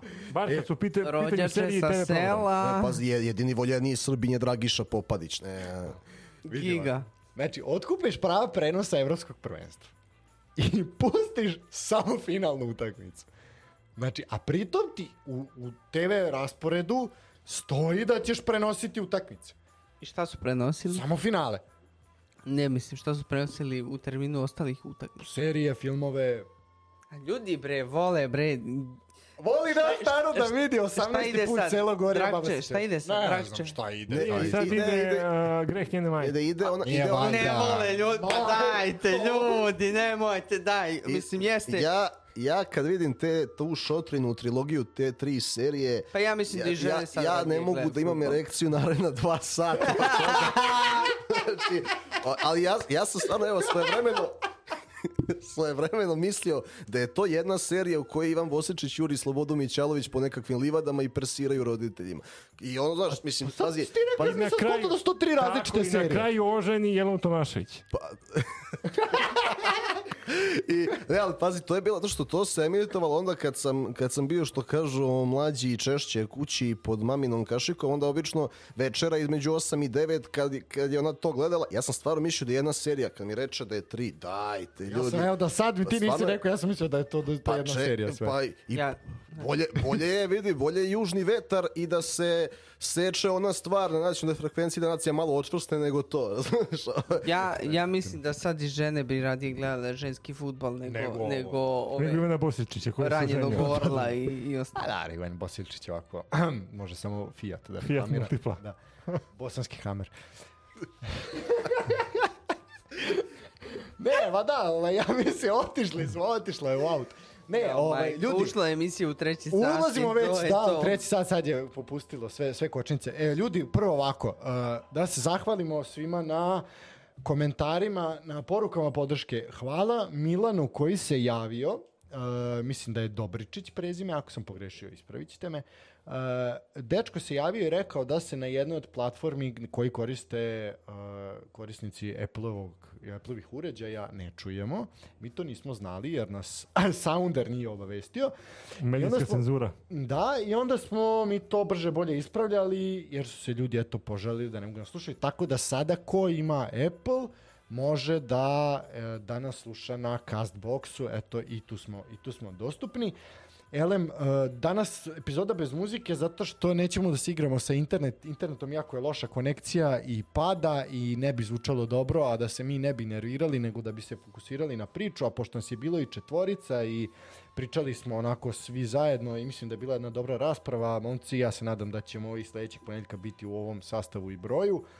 Uh, tako da hvala svima za komentare, hvala za podršku, hvala što nas pratite i što slušanost ne pada iako ne idemo uživo i dobili smo poruke. Jeste, lakše je i bolje i organizovati se, pogotovo što smo navikli ljude u tom terminu u kojem idemo već godinu i nešto dana, ali eto, još koju nedelju se strpite, ja se nadam da se uskoro vraćamo u live program. Toliko od mene. A, naravno, donacije PayPal, Patreon i Erste banka. Svuda imate sada podatke za uplatu.